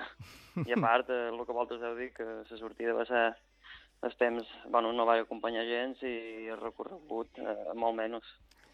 El tram aquell de, de pedregós i fang i patinades i, i van caure un parell. En Pau no, en Pau semblava que, que, que caminava sobre l'asfalt, però els altres no, els altres estàvem allí que, que passaven pena. Pau, en Javi representa una miqueta en aquests corredors no? que te van ajudar a, a poder tirar endavant amb el repte. Sí, a més va començar des del principi i, i, i em va durar molt de rato, eh? perquè el Javi és un tio fort i, i va estar aguantant com un jabato molts quilòmetres. I després, durant el dia, també el Javi va poder veure la meva, les meves dues cares, no? la cara de l'inici, sí. en la qual pues, jo començava molt motivat, amb ganes i tal, i la cara després de Cala Galdana, eh, i abans de Cala Galdana, que, mm. en la qual era un moment crític per mi, perquè ho vaig passar molt malament, i, i crec que Javi va poder veure aquestes dues cares de, d'aquest corredor, no? que, que li agrada molt l'esport i el trail running. Uh, Javi, tu quan te'l vas veure partir, ja vas veure des principi que anava camí de rècord, en Pau? Fu, eh, bueno, primer vam parlar abans i van xerrar un poquet procés que jo volia fer i li vaig demanar, dic, com que vols anar a l'asfalt? Perquè ens acompanyaven uns quants corredors més i estàvem preocupats per el ritme i me va dir 4.30 al quilòmetre i nos van ganar un poquet, però, però bueno. Anava, una, anava una mica més ràpid. Sí, un- una mica no, un poquet més. I, bueno, més que res era el vent que nos venia en contra, tot el tram d'asfalt, i, i va ser... Bueno, quan van sortir de l'asfalt, després, en, en, en canvi que el recorregut era un poc més complicat, però el ritme era un poc més còmode, i vam, vam estar un poquet millor. Però, bueno, sí, jo quan vaig veure que arribàvem a Sant Morell, eh, no sé si vam arribar amb una hora 30, eh, una, una hora 30 i alguna, una hora 40, vaig dir, uf, com va? I després encara va seguir apretant més, apretant més, fins que jo el vaig poder aguantar, crec que va ser a quilòmetre 25, 27, que ja, ja vaig dir, està aquí. I després ja, per sort, hi havia altres corredors com en Miquel Pons, i va venir en... Eh, ja sortirà el nom, bueno, bueno, un altres més corredors de Mallorca que van venir a posta i, i bueno, i després van seguir ells amb ell, perquè du un ritme que, que jo vaig dir, no sé, no sé si aguantarà, però sí, Clar. està fet una màquina, això me va deixar al·lucinat. A, a més, Pau, com que la gent podia seguir eh, el track per on passaves i la gent veia que anaves a ritme de rècord, tant com anava passant el dia, la gent es motivava més. Perquè, sí, clar, i es motivava més i més et seguia. Perquè si al Clar. principi hagués vist que ja no s'aconseguia, clar, decau una mica l'interès, no? Però va anar, va anar increixendo des del primer moment, ja des vespre, perquè de, aquest tio va sortir com un tir. O sigui, farà la volta a Mallorca i, i, i la faran 14 hores, perquè, eh, clar, això va fer també que, que anés creixent l'expectativa, no? Sí, és una, és una de les parts importants del repte. No? Al final, el tema està en aconseguir-ho, però també en com ho podem explicar, no? I com podem fer doncs, que la gent estigui a casa o estigui al recorregut, doncs, pugui formar part del projecte, no? I, I una de les parts importantíssimes que jo volia és que es pogués seguir per internet. Mm. I, I això, clar, quan vas veient, diu, hosti, aquest nano està fent els temps i encara ho aconseguirà i ho està aconseguint, doncs, clar, després arribes a Cala Galdana i et trobes un ambient que havia a Cala Galdana que, que, bueno, que igual no me l'he trobat ni al Montblanc. Eh? Ni el Montblanc. Escolta, comentaves que quan vas arribar a Cala Caldana, allà va aparèixer l'altra cara d'en Pau, aquella cara que estava més preocupada pel fet de si podia arribar en condicions o no. Crec que paties despeu, no? Uh, vas tenir molèsties. Com estàs? Sí, perquè, mira, abans de... Bueno, justament fa un mes, a fent el Montblanc, a la volta al Montblanc, vaig tenir una tenosinoditis al, al turmell dret i, i la vaig arrastrar fins, fins ara a Menorca i, i ja sabia que em faria mal. Al quilòmetre 30 aproximadament ja, ja em feia mal, ja m'estava tirant un spray que em tiro per, que és de fred, però ni així, ni així va millorar i al quilòmetre 140 el dolor pues, bueno, era quasi insuportable, no? Però, bueno, però ja sabia que quedava poc, vull dir, cada, cada passa feia mal, però, però bueno, molts cops el mal, jo sempre dic que és momentani, i ara pues, el tinc inflat, però bueno, eh, tal com està inflat es desinfla, eh? vull dir, això, això va com va. Javi, tu podràs dir que has participat d'aquest rècord, que és històric ja. Sí, sí, tant. Bueno, un, un granito d'arena que vam aportar tots els corredors aquí, tant del grup de, bueno, grups de Correcaminos, el Menorca Trail i gent esportista de Menorca i Mallorca inclús, que van venir a posta. Clar, Vam sa- fer tots un i, poquet. I la possibilitat de poder córrer amb un campió del món, com és en, en Pau Capell. Doble campió. Un doble campió del món. Javi. Javi Pons, eh, un dels corredors que ha participat d'aquest rècord de- d'en Pau Capell a la Tira Menorca Camí de Cavalls. Moltes gràcies per haver estat a fent quilòmetres també. Gràcies. Una abraçada a tots. Eh, en, en, entrevistam, eh, com bé apuntava ara, en Javi Pons, el dues vegades campió del món d'ultradistància, que ha superat en gairebé dues hores la millor anterior marca que tenien Pere Garau i Antoine Guillon. Tot això, tot això tampoc hauria, hauria estat possible sense un equip logístic al darrere, no? que, com, com ha estat Elite Chip. Eh, Guillem Bosch, gerent d'Elite Chip i promotor de la Trail Menorca Camí de Cavalls, Bon vespre, benvingut a Fent Quilòmetres, també. Bon vespre, com estàs? Molt bé, i tu? Ja, ja res... Bueno, eh, respires recuperant tranquil, ja respires tranquil, també. També has patit, Sí, tu. sí, bueno, eh, va ser un vespre molt intens, la veritat, mal vespre i el dia.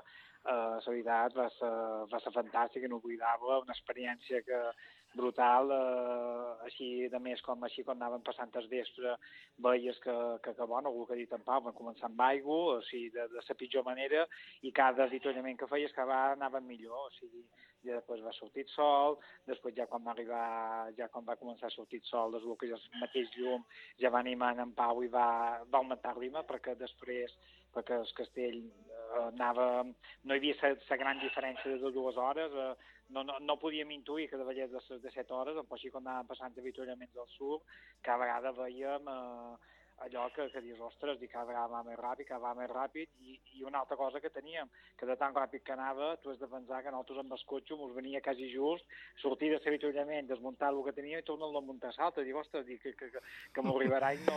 Us va donar més...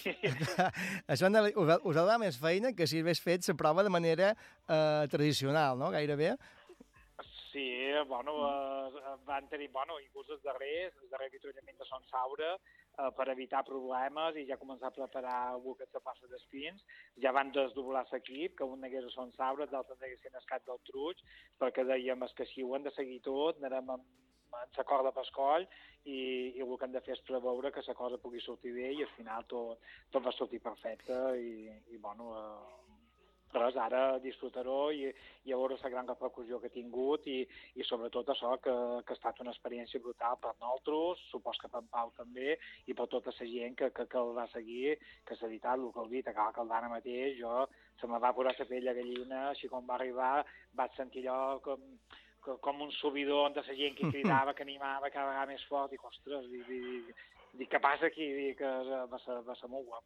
Un dels ideòlegs d'aquesta iniciativa ha estat també eh, el teu company, amic i soci, en Víctor Trujol, director de la cursa de la Menorca Camí de Cavalls. Víctor, bon vespre també, bona nit.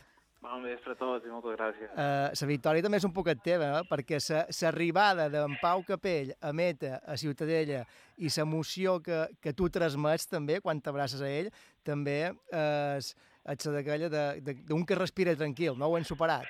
Ho hem Sí, aconseguit. Sí, sí, no, pensa molt de nervis abans de la carrera, durant la primera part, bueno, ja ho tenc xerrat amb en Pau, vull dir, nosaltres tenim una amistat de fa anys, que ha estat gràcies a la carrera, i clar, al moment que es passen els nervis i arriba a meta, eh, havent fet el que ha fet, eh, és brutal. Eh, una animalada, com diu ell a vegades. Eh, en, en, aquesta paraula, una animalada, me'n record, crec, crec que ve també d'en Tolo Fiol aquell any que ells dos arriben a meta, quan en, quan en Tolo Fiol eh, acaba i diu, "Uf, això és una animalada. Crec, crec Sí. que, que, que ja va emprar aquesta expressió també. Sí, Eh, sí, llavors, va ser l'any 2014 quan van Mm. arribar tots dos junts, la primera prova que va dir en Tolo va ser aquesta, i Llavors- ha llavors- a tots dos. llavors en, Pa- en Pau encara no sabia que, que tornaria i que pulveritzaria aquest rècord. Per cert, eh, Víctor, ara ho comentava en Guillem, esperàveu eh, tanta repercussió mediàtica? Uh, no, és a dir, si les històries que tenim que fer-ho més o menys sense dir-ho a ningú. I mira, van començar al final amb el Montaró bé i això, i és que és impressionant la repercussió. És dir, eh, després del Montblanc, en Pau està creixent com l'espuma, perquè ho mereix també, i això, això i la gent d'aquí que s'ha involucrat encara ajuda molt més. Per tant, una vegada suspesa la prova, podem dir que l'alternativa aquesta que heu cercat no ha sortit gens malament. No, no, és a dir, han posat llum a la foscor que teníem en aquell moment, és a dir, estàvem bastant desanimats i això ha estat posar llum a, aquesta foscor. Guillem Bosch i Víctor Trujol, responsable... Per cert, aquest rècord eh, no podrà comptar com a oficial de, sa, de, sa, de lo que és la cursa en si. No, perquè clar, no és el mateix fer un, un que es marca en cursa, perquè estàs competint contra altra gent, no tens llebres, tampoc tens l'ajuda, va ser diferent, eh, no pot ser el rècord de prova, és la millor marca de, de, del camí de cavalls, però el rècord de prova seguirà sent les 18 hores 42. I eh, sempre, clar, dins, que es faci dins la prova. Aquest és eh, el rècord eh, aconseguit eh, de la persona que ha, que ha fet més ràpida la volta a, a Menorca. Guillem Bosch i Víctor Trujol, responsables d'aquesta part logística de la Trera Menorca Camí de Cavalls. Enhorabona per la part que us toca, per aquesta expectativa, per aquesta repercussió que heu creat i enhorabona a tots dos. Moltes gràcies. Moltes gràcies. Gràcies. Uh, Pau, una vegada superat aquest rècord, uh, que toca ara? Imagino que descansar, no? Sí, descansar uns dies, uns dies... Bueno, ja demà ja comencem a entrenar perquè si no el cos eh, es ressenteix. O sigui, si, si no moc les cames ja comencen els dolors. Per tant, he de començar a entrenar, però, però competicions i això em deixo un parell de setmanes i, i haurem de tornar. Però mira, aprofito ara un momentet perquè, ostres, en Víctor i, i en Mito són, són espectaculars i m'agradaria dir-ho aquí a, a, a tothom, no? que al final jo com a esportista viatjo molt pel món, he anat al Japó, he anat a Austràlia, he competit a Sud-amèrica, però mai m'han tractat tan bé com a Menorca. I, I és per això que hi torno cada any, no? I no seria possible fer aquest tipus de projectes sense aquesta gent amb tanta passió. I, i costa molt trobar-la, i, i s'ha de valorar. I llavors, jo sempre ho dic, no? Soc un atleta que competeixo, m'agrada molt entrenar, m'agrada molt competir, però quan et trobes gent així al costat dius, ostres, he de fer alguna amb aquesta gent perquè, perquè s'ho mereixen. I després quan surt aquest resultat te'n vas a dormir i dius, veus, ha valgut la pena. S'ha patit, s'ha treballat molt perquè darrere d'això, darrere de, del dia 2 d'octubre eh, van haver-hi moltes setmanes on el Víctor i en Mito van estar treballant perquè sortís bé i, i això s'ha de dir i s'ha de, i s'ha de valorar perquè no ho trobes a, a tot arreu. Eh? Mm, A més, la teva relació amb Menorca té a veure molt amb l'esport, però és gairebé una miqueta menorquí ja, perquè eh, crec que... Quina edat tens ara? 20, 29? 29. 29 anys? Eh, dels de 9 anys o, o que vens Sí. per Menorca, no? Sí, vaig tenir la sort que els meus pares també els agrada molt el mar i, i em van portar a Menorca des de petit. I sempre hem, bueno, hem crescut també, a tots els estius anàvem allà, algun hivern també, i, i la relació que tenim amb Menorca és molt, molt propera. Fins i tot vam arribar a ser residents i tot, o sigui que, que imagina't quina, quina relació tenim, no? Així que, bueno, sempre la portem dins i sempre que hi podem ens escapem i aquest any, doncs mira, ens hem escapat per fer, per fer història. Mm. Escolta, aquest rècord, ho comentàvem l'altre dia, eh, te fa oblidar una miqueta l'espineta de no haver pogut rebaixar l'altre repte que tenies també aquest any, que era eh, la teva pròpia marca en, a- en l'Ultra Trail del Montblanc? Sí, sí, sí, està clar. Eh, el, el Montblanc volia intentar baixar aquestes 20 hores eh, per fer també pues, victòries, no, no va poder ser, i, i l'espineta aquesta tret a Menorca, no? Eh, sí que és cert que jo a Menorca tenia, tenia ganes de fer-ho i, i tenia doncs, bueno, eh, possibilitats, no? en aquest sentit de dir, crec que ho puc aconseguir, però bueno, el que es va aconseguir, lògicament, no entrava entre els plànings, excepte en els plànings d'en Víctor Trullol, que, que ho tenia bastant clar ell, però, però en els meus no entrava tant. A més, és curiós, eh, això que comentava també ara en Víctor i, i, en, i en Guillem, la repercussió que s'ha creat d'una cosa que no es havia de celebrar. Eh? És curiós perquè de, de, no, no diré que des defecte se n'hagi fet virtut, però gai, quasi, quasi. Sí, sí, és, és, és, avui en dia és, és complicat no? analitzar-ho això perquè tot va molt ràpid, no? però les xarxes socials van bullir. O sigui, durant, durant l'estona que jo vaig estar corrent els dies abans, eh, quan jo ara estic mirant doncs, on les estadístiques no? de, de quina repercussió ha tingut cada, cada publicació que s'ha fet i de més, eh, és una repercussió mundial. O sigui, hi ha més de 150.000 persones que visualitzen en aquell moment una publicació, no? i això és moltíssima gent del món, i això beneficia a Menorca, perquè al final més gent coneix la cursa, més gent es pot animar a anar a córrer i fins i tot més gent pot anar de vacances, no? I, i bueno, ens nutrim tots doncs, d'un esport i d'una passió que, Sí, sí, clar, per- això ho deia, perquè precisament sa- l'ultra o la trail Menorca Camí de Cavalls eh, genera unes expectatives, eh, fa venir un tipus de, de gent que la, que la corre, però la repercussió mediàtica que ha tingut aquesta vegada a nivell mundial, perquè parlam d'un rècord mundial, ha estat més gran encara, i això fa que, la, que de cara, supos que properes edicions eh, tingui una miqueta més de nom i també sigui beneficiosa per, per, no només per la cursa, també per, per la illa, òbviament. Sí. Escolta, eh, eh, ara que ja has superat el rècord, eh, te n'oblidaràs de la trail, Mallorca, Camí de Cavalls, o voldràs, Ah. voldràs participar en cursa, també? Mira, ara, ara mateix el Víctor m'acaba de picar perquè ha dit que això no comptarà com a rècord de cursa. Per tant, hauré de tornar en cursa per fer el rècord, És que- perquè jo el vull, el rècord de cursa el vull. Aquesta pregunta estava pensada i te l'anava a fer, també. Clar, eh, ara has aconseguit el rècord eh, amb el suport mediàtic o logístic o eh, que has tingut a darrere. T'atreveixes també a participar i a intentar aconseguir rècord amb, amb tota la sèrie de corredors que tindràs, eh, entre els quals eh, voldran lluitar per, per, ara, sobretot, per aconseguir rècord, però sobretot per una altra cosa, que és per intentar guanyar en Pau Capell.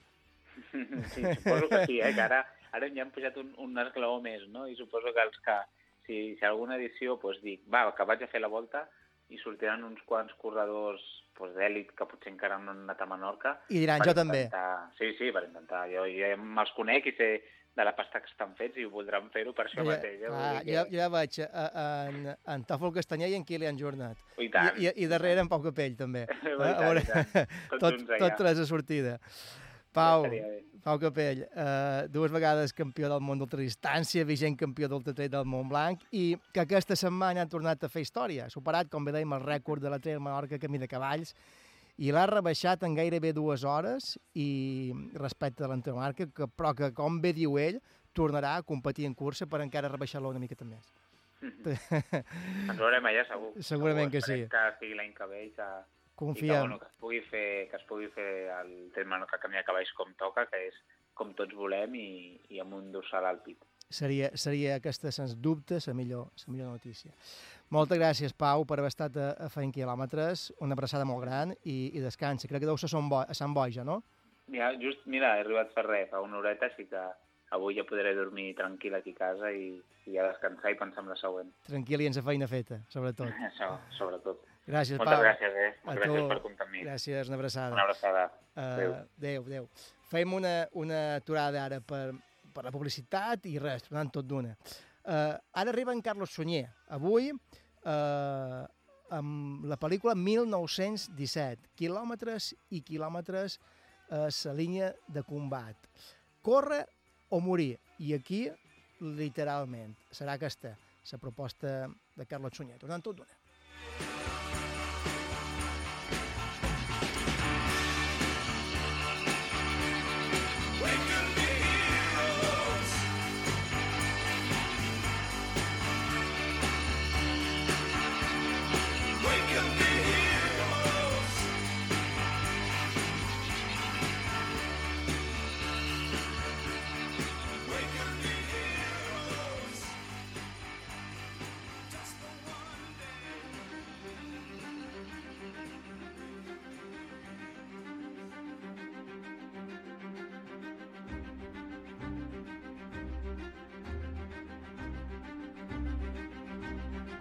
La pel·lícula.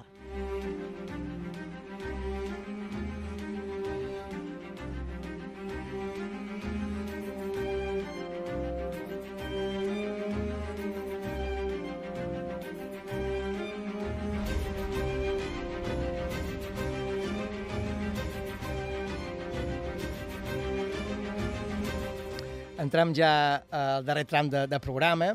Com sempre, en aquesta hora arriba ja Carlos Sunyer, agafa seient, se seu, amb una proposta original i, i normalment diferent. Parlem avui de 1917, pel·lícula de Sam Mendes sobre la Primera Guerra Mundial.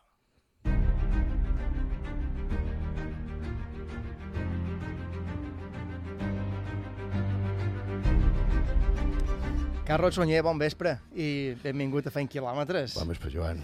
Escoltam de fons un dels temes originals d'aquesta banda sonora, d'aquesta pel·lícula. Eh, ens endinsam avui en una carrera constant, com veiem abans, no? gairebé com en Pau Capell, no? Eh, Sí. carrera constant, a primera línia, eh, en Pau l'ha fet a primera línia de mar, en aquest cas a primera línia de combat. Sí, però, però també Capell té la... Déu-n'hi-do, eh? Déu- Déu-n'hi-do. Quina màquina, tu. Clar, aquí parlant de, de córrer eh, per, per sobreviure, per córrer amb el risc constant de morir. Aquesta és una producció meravellosa, aquesta música que es- que escoltant de fons, que és de Gallows, de, de, de Thomas Newman. De fet, tota la banda sonora és extraordinària, molt, molt Hans Zimmer. Eh, I, efectivament, eh, serveix, és una eina més per a aquesta gran pel·li de 1917 o de 2019, que és molt premiada, justament, amb un llenguatge cinematogràfic excel·lent, eh, una feina de càmeres, un dinamisme eh, que reflecteix molt bé l'angoixa i la necessitat de supervivència en situació extrema, amb, aquesta, amb aquests exteriors tan ben fets de les trinxeres, que recorden molt els Senders de Glòria, de, de Kubrick, de fet està molt, molt influenciada. I tot aquest equip tan sincronitzat, aquesta obra única respecte a, el dinamisme de, de tot el rodatge, de, de les càmeres, és dir, és tan difícil realitzar aquesta producció, és tan vibrant, tan febril com l'argument que, que, ens, que ens mostra.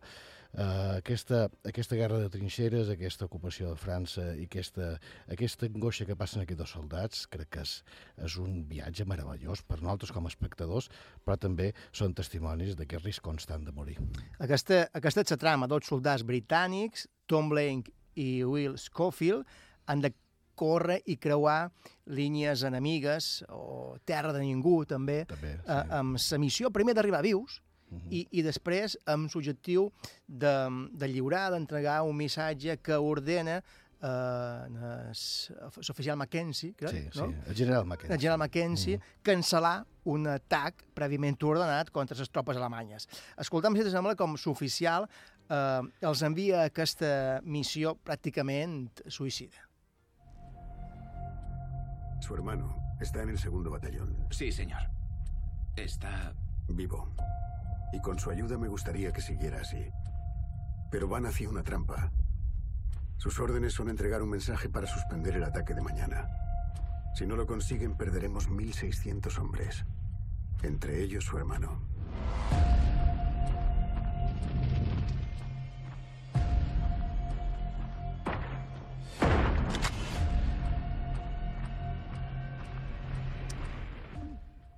Un xantatge emocional de, de primer ordre. en tota regla. Um, clar, es, aquí es, es general, i molt ben interpretat per en Colin Firth, el sector de discurs del rei, per exemple, que és un, un paper curt, però és que ho fa beníssim. Uh, el que fa és presentar un xantatge emocional eh, brutal, perquè, clar, en Blake té seu germà en aquest regiment on, eh, junt amb, altres, amb un centenar de soldats, se juguen sa vida.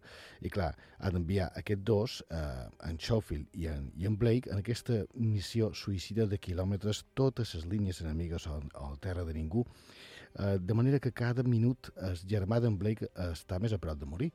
Per tant, així com en Schofield se intenta aturar-lo, intenta raonar, intenta valorar una mica el, gran risc d'aquesta missió, el germà l'únic que veu és, és la necessitat d'arribar, salvar aquests soldats, però especialment salvar en el seu germà. No hi ha temps per valorar aquesta situació. I això, clar, se'ns fica dintre des del primer moment, perquè nosaltres ens identificam més en l'altre, no? de moment tura-tura, perquè és a bon nam. Però, clar, és, és, és, és, ja és impossible tornar enrere, no? perquè eh, no només és, és salvar germà, sinó que ells representen l'única opció que tenen aquests que es ficaran en una trampa, una trampa mortal, en aquest atac just el dia després. És a dir, que això sí que és fer quilòmetres eh, eh, per trobar-se en, en la possible o probable mort la intenció d'evitar la mort de centenars de soldats. És, és un sacrifici molt interessant. Eh, avancen ràpid per terreny hostil, endavant, però sempre expectants i sempre, a la vegada, amb sa por en el cos. Mm, escoltam l'únic instant en què es permeten mm, la llicència de fer un recés, no? un descans, un descans Sí, mental. mental, Un descans mental. Blake, Tom Blake, que és qui té germà en perill, com bé comentaves, li explica eh, a en Will una anècdota sobre un company per poder riure un poc, no?, enmig de el camí. ¿Te han contado la historia de Wilco? ¿Cómo perdió la oreja? No estoy de humor. Atento a los árboles. Sobre esa cresta. Dice que fue por la metralla. ¿Y por qué fue? Bueno, sabes que su novia es peluquera, ¿no? Y Wilco se quejaba siempre de la falta de aseos cuando le escribía. ¿Recuerdas las letrinas infectas en arras? Sí. En fin. Ella le envió un aceite para el pelo. Olía muy bien. Como a sirope. Y a Wilco le encantaba el olor. Pero no quería cargar con ello en su mochila. Así que decidió untarse el aceite por toda la cabeza y se echó a dormir. Pero en plena noche se despertó y tenía una rata sentada sobre su hombro, lamiéndole el aceite de la cabeza. Wilco se asustó, pegó un gran bote y al saltar la rata le arrancó la puta oreja de cuajo y salió pitando con ella. Enmig des, clar, enmig del combat troben també l'excusa, um, la manera de, per fer dues bromes, no? Uh, uh, això devia ser així, a, a, a mig de, de, del combat, no? i sobretot a, en, el, en el front de batalla. Uh, igualment, l'amenaça és constant, però supos que un té la necessitat de, de riure i dir tonteries, valdament sàpiga que, que la mort és, és allà de vora. Clar, perquè hi ha, hi ha aquesta necessitat de parèntesi eh, eh, mental, emocional, mai allunyat del tot de l'angoixa. Això és difícil de dur en el cinema, perquè, clar, és delicat representar aquests moments de pausa respecte a l'esperit que estan experimentant perquè pot fer poc credible el que està passant, no? No, no és escàs, és a dir, aconsegueixen molt bé que aquestes petites pauses que hi ha, ells, per necessitat, pràcticament per, per, per, per, per pròpia naturalesa. Han de, han de fugir una mica d'aquesta tensió tan alta que estan, que estan tinguent. I aquest descans mental eh, està molt bé amb aquesta història de la rata de Wilco, perquè fa gràcia, perquè és una història... Per cert, eh, Mendes, ja ho xerrem, eh, era un dels retos que seu padrí li contava que va, que va estar eh, en aquesta guerra. Perquè, clar, has de pensar que és una successió de, de, de, de situacions, d'esdeveniments molt difícil de dur, perquè un dels riscs d'aquesta pel·lícula és que no semblàs que estan passant de pantalles en un, com un videojoc, és a dir, que fos creïble, que sigui fluid eh, a l'argument. I això ho aconsegueixen. De fet, era tan difícil eh, manejar una càmera o unes càmeres que fossin joieres i la vegada que tinguessin profunditat per poder plasmar aquest realisme que es varen crear per ells, aquesta càmera. I recorda bastant en el gran Kubrick, perquè en Kubrick, eh, per Barry Lyndon, volia fer una pel·li on tot el llum era natural. I, i els, enginyers de Múnich, Harry, eh, eh, junt amb el gran fotògraf Roger Dickens, que va fer feina també per 1917, varen crear una càmera per ell especial. Aquí ho han tornat a fer. És una càmera que Sarri Alexa Mini, que només s'ha fet per aquesta pel·lícula. I clar, que dona aquesta sensació de realisme perquè fins al darrer detall de- que està allunyat i també més pròxim es veu d'una manera que sembla que estàs allà dintre. Però és per la gran feina d'enginyeria que han fet per crear aquesta càmera petita, joiera, però que a la vegada té molta profunditat. I no només per tipus de càmera, sinó també per la manera de rodar, no? La manera de Després rodar, en parlàvem, però clar. el pla seqüència que et dona eh, una credibilitat Enorme, que sí. el canvi de pla no te dona, perquè és una és un, és un pla seqüència constant gairebé tota la Sí, pel·lícula. sí, i a sobre envoltant els personatges d'una manera tan suau que ni a vegades que fa quasi 150 graus i, i no te n'has donat compte, perquè clar, tu estàs seguint els soldats, allò no atura, però ho fan d'una manera que tu no deixes de mirar soldats avançar. És a dir, que eh, això és un gran mèrit del director, clar. I, I una altra cosa important, crec també, és que quan veiem pel·lícules sobre la Primera Guerra Mundial, eh, mundial o, o la Segona, Senderos de Glòria, per exemple, aquestes Mhm. pel·lícules mítiques, eh, veus com la història, no? Sí. Eh, en majúscula. Sí. En aquesta pel·lícula veus eh, mm, un episodi humà Sí. on dues persones que són dos, dos infants, Sí. que són els soldats, eh, mm, es veuen enmig del perill, no? I, Mhm. I ets conscient realment del, del, de, del que era allò, no? Que, era, que eren infants enmig de la batalla. Clar, clar. Ho dius bé perquè... O sigui, els soldats no eren homes, els soldats era, era, eren, Eren lotets. jovenets, de 17, de 18 anys. Per això tenen la necessitat de recordar casa seva i de, i de, de tenir una mica uh, vola fugir de ja, uh, però la impossibilitat de fer-ho. Uh, aquesta idea de, de fer-ho d'aquesta manera la pel·lícula també ha resultat també si no hi ha aquest gran argument on se juguen la vida No centenars veus dos herois. No, no. Si haguéssim Encara fet- que ho sigui, al Eh, final, encara que no? ho sigui, clar. però no veus dos Són, herois. són dos éssers humans, no? I això fa que no, nosaltres ens podem identificar una mica més amb el que s'està enmig d'un camp de batalla. No? De fet, ni tan sols en la corpulència física, perquè estan gressonats, tots dos. Clar, clar, se'ls vol vulnerables des primer moment, i això encara el fa més creïbles. Arriben a una granja abandonada eh, i allà són testimonis d'un combat aeri, un avió alemany eh, és abatut, s'estavella, i ells poden salvar el pilot, però passa el que passa. ¿Son nuestros amigos otra vez? Eso parece. Están combatiendo. ¿Quién gana? Nosotros, creo. Dos contra uno. Le han dado.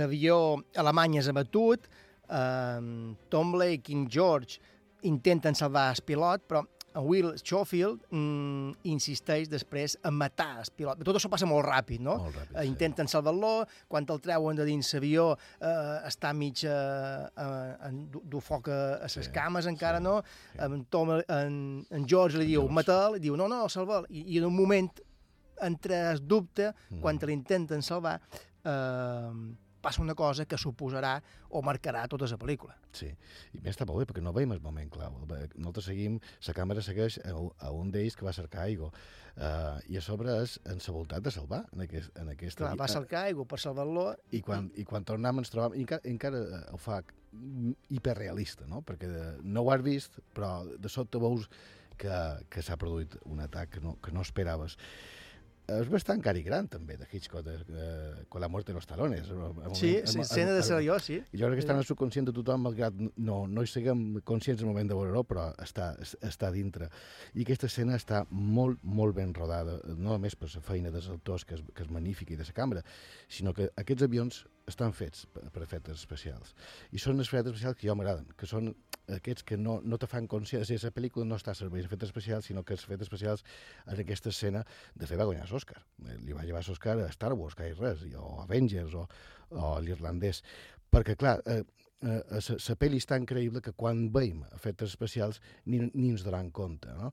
I, i és, és un moment clau perquè a sobre passa just després de que, de que un d'ells, no direm quin, perquè ja eh, que l'espectador, la gent ho pugui comprovar per ells mateixos, troba aquest poal de llet i aquesta llet té un, un símbol molt de, de, de puresa, d'innocència, que després eh, arribarà un nadó, que ja, ja ho veurà la gent, eh, si no l'ha vista encara, i clar, just després passa això, no? És a dir, que quan més penses que aquests dos, bé, podran continuar i que, i que no se separaran i que, i que estaran sempre junts, eh, bé, és desastre. Però el desastre produirà un nou començament de, de la pel·lícula, és a dir, que també ho fa interessant.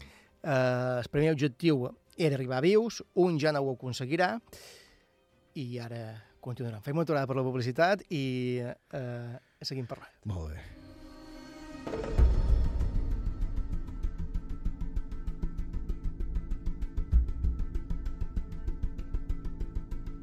La pel·lícula.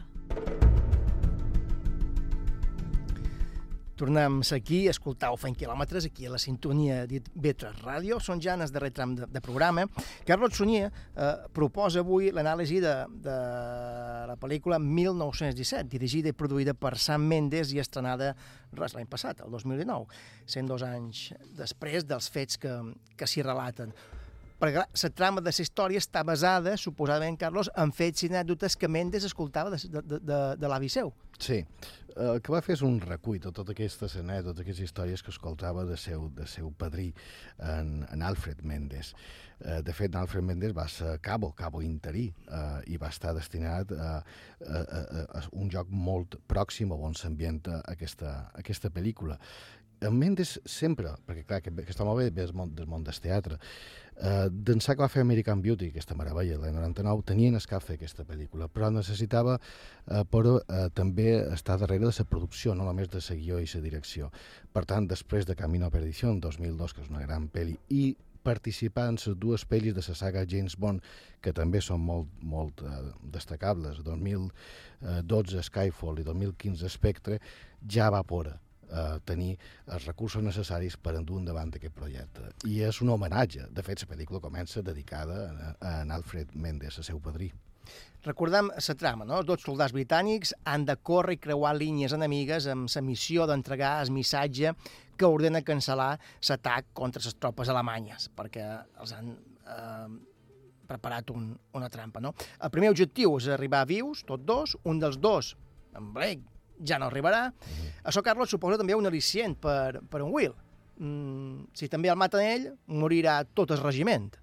Sí, efectivament. I està bé que els que queda vius no siguis germà. No? Bé, malauradament per germà, però perquè, clar, eh, aquí en primer lloc tenia eh, aquest obstacle mental de d'un davant aquest, aquesta missió pràcticament suïcida, clar, ara s'ha fet seu eh, la necessitat, en nom també d'aquest company que ha mort, eh, arribar fins al final. Recordo una mica Galípoli, te recordes que el Donald mm, van també comentar, van comentar aquí. perquè eren atletes que s'empleaven com a, com a missatgers i en Mel Gibson ha d'arribar per evitar també que matin a, pràcticament a tots els companys. És a dir que eh, també hi ha De aquest... fet, hi ha, hi ha escenes que recorden bastant Molt, a Gallipoli. molt, molt, molt. Que, que és allò de, de, de com dèiem abans, eh, córrer per salvar i córrer per no morir. És a dir, es, es, es, es fenomen de córrer ha llevat a la màxima eh, eh, potència Doncs sí, que córrer o morir, possible. literalment, aquí, Liter- no- no- li- no literal. metafòricament, No, eh, no, no, això, això, córrer o morir. eh, Això és, això és córrer amb mayúscules, clar. Clar, eh, i en, eh, a la següent seqüència, que escoltarem ara, en Will ha de córrer entre les runes d'un poble mentre els alemanys el disparen.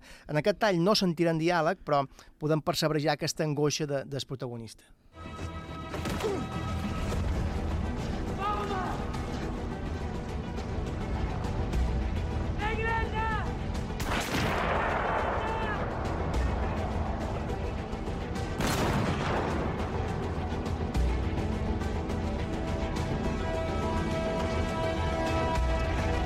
És el que comentam, no? Córrer o morir, però no només morir per salvar, no morir per salvar la teva vida, perquè saps que si tu mors, en morirà 1.600. Clar, de, darrere tu mor, tot, mor tota aquesta gent, clar.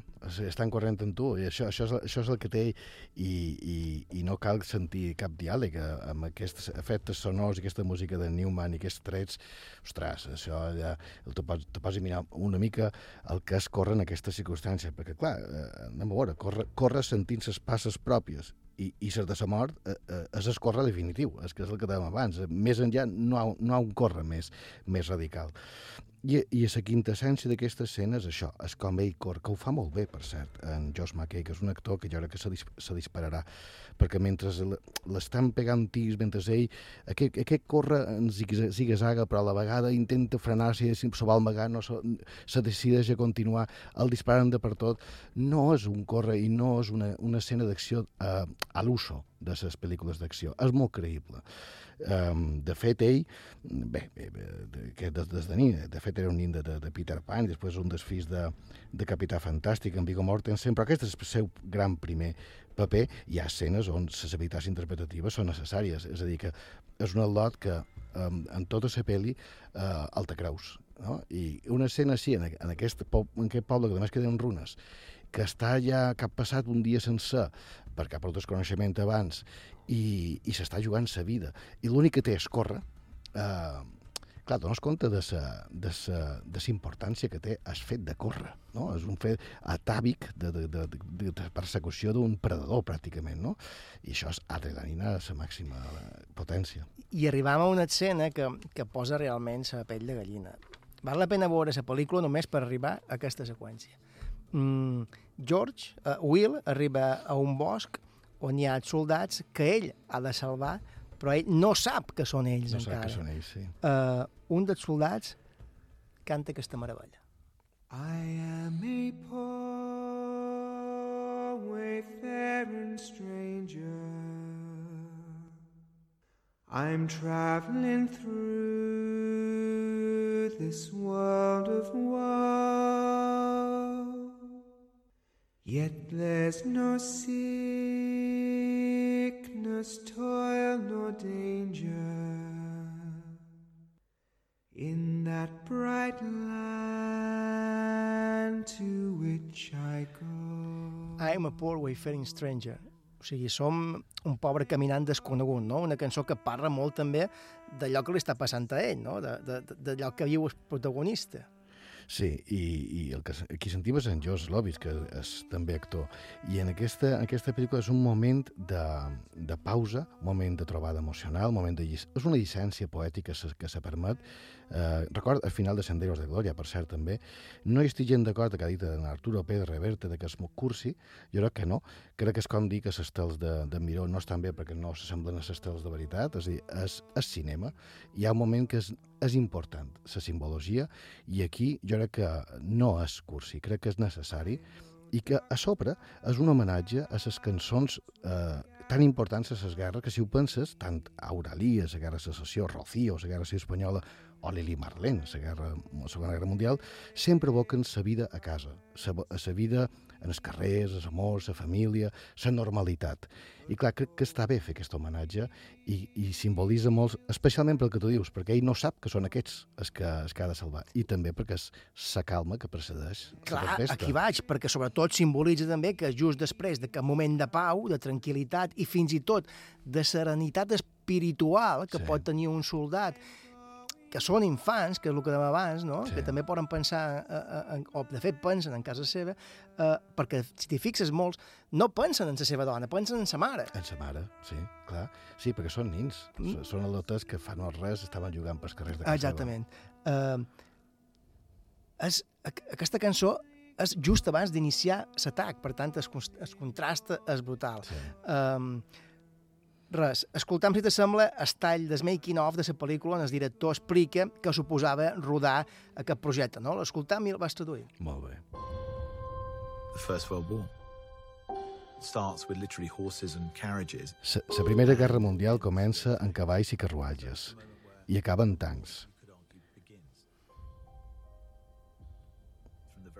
Així que el moment en què comença la guerra moderna va ser aquest. Des del principi vaig sentir que la pel·lícula s'havia de, de contar en temps real. Acompanyar a cada pas del viatge aquests homes en es, es, era essencial i no hi ha millor manera de contar aquesta història que en un pla seqüència. rodatge a temps real i el que dèiem abans, i pla seqüència que dona més realitat, més credibilitat a tota, a tota la pel·lícula. Traspassen ja completament la barrera aquesta que hi sol haver en sa- entre la pantalla i, i l'espectador, no? La derriben completament. Sí, i, i, fa que, que podem experimentar el procés mental de, dels protagonistes. Alerta, és un pla seqüència un poc en trampa, perquè en realitat té quasi 20 talls. Que passa que són imperceptibles i l'ajuda dels efectes especials també és... És a dir, no és la soga de Hitchcock ni és el Birman de Iñárritu, però sí és veritat que el pla seqüència, el conjunt de pla seqüència que es aconsegueixen estan a, a nivell de, de, de Scorsese, uno de los nuestros, o, o de Kubrick en El Resplendor, o el mateix Brian De Palma, Ojos de Serpiente. És a dir, són ha passat a la història ja per, per la complexitat i la maestria en què Mendes eh, realitza un conjunt de pla seqüència eh, alineats de manera que sí tenim la sensació que tota la pel·lícula és un gran pla seqüència, que ha estat totalment inviable. Totalment inviable perquè, clar, mm, amb una sola errada ja, ja tot, tot se'n va a la merda. És a dir, que era necessària que aquests, aquests petits talls imperceptibles, aprofitant eh, els raconats, moviments i, i foscors per poder, per poder fer eh, els canvis. Però igualment el resultat és aquest. Nosaltres, aquests dos, aquests dos soldats i després aquest soldat en especial no van sols, nosaltres anem amb ells. 1917, pel·lícula dirigida i produïda per Sam Mendes i emmarcada en la Primera Guerra Mundial entre el 1914 i el 1918. Una història basada en històries i anècdotes que Mendes escoltava del seu avi patern. La transmissió oral, per tant, de- d'històries individuals enmig del gran conflicte bèl·lic, no? que sí. és el que fa humanitzar el que estava passant, no? més enllà de les uh, frívoles, podríem dir, Sí. xifres Sí. que, que donen les guerres. No? Són, són éssers humans. No? Sí. Carlos, fins aquí el programa d'avui. Molt bé. Fantàstica aquesta proposta, 1917. Molt recomanable, Eh, L'heu de veure, si no, si no l'heu vista, perquè hi ha molt d'instants, molt de moments que, que valen realment la pena. De fet, el, només al principi ja és aquest pla seqüència i, És com, i comença amb un paisatge que és com un quadre. No? Efectivament, la fotografia és Llavors- increïble. I, i llavors la fotografia és increïble i llavors la pel·lícula creix a partir d'aquest marc que, Sí, te, sí, sí. que, que te dona. Va més. Uh, res, amics, fins aquí el programa d'avui xerraríem hores i hores, Sí, però sí. uh, de partit. Uh, salut i quilòmetres. Tornem la setmana que ve. Bona nit. Hello, darkness, my old friend. I've come to talk with you again. Because a vision softly creeping left its seeds while I was sleeping. And the vision that was planted in my brain still remains within the sound of silence. In restless dreams, I walked alone. the streets of cobblestone.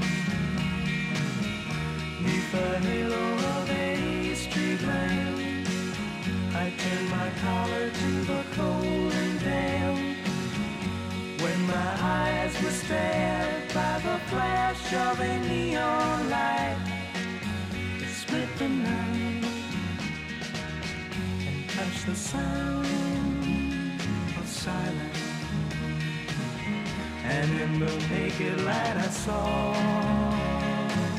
ten thousand people, maybe more. People talking without speaking. People hearing without listening. People writing songs that voices never share. No one did disturb the sound of silence. Fool said I, do not know. Silence like a cancer grows. Hear my words that I might teach you. Take my arms that I might reach you. But my words,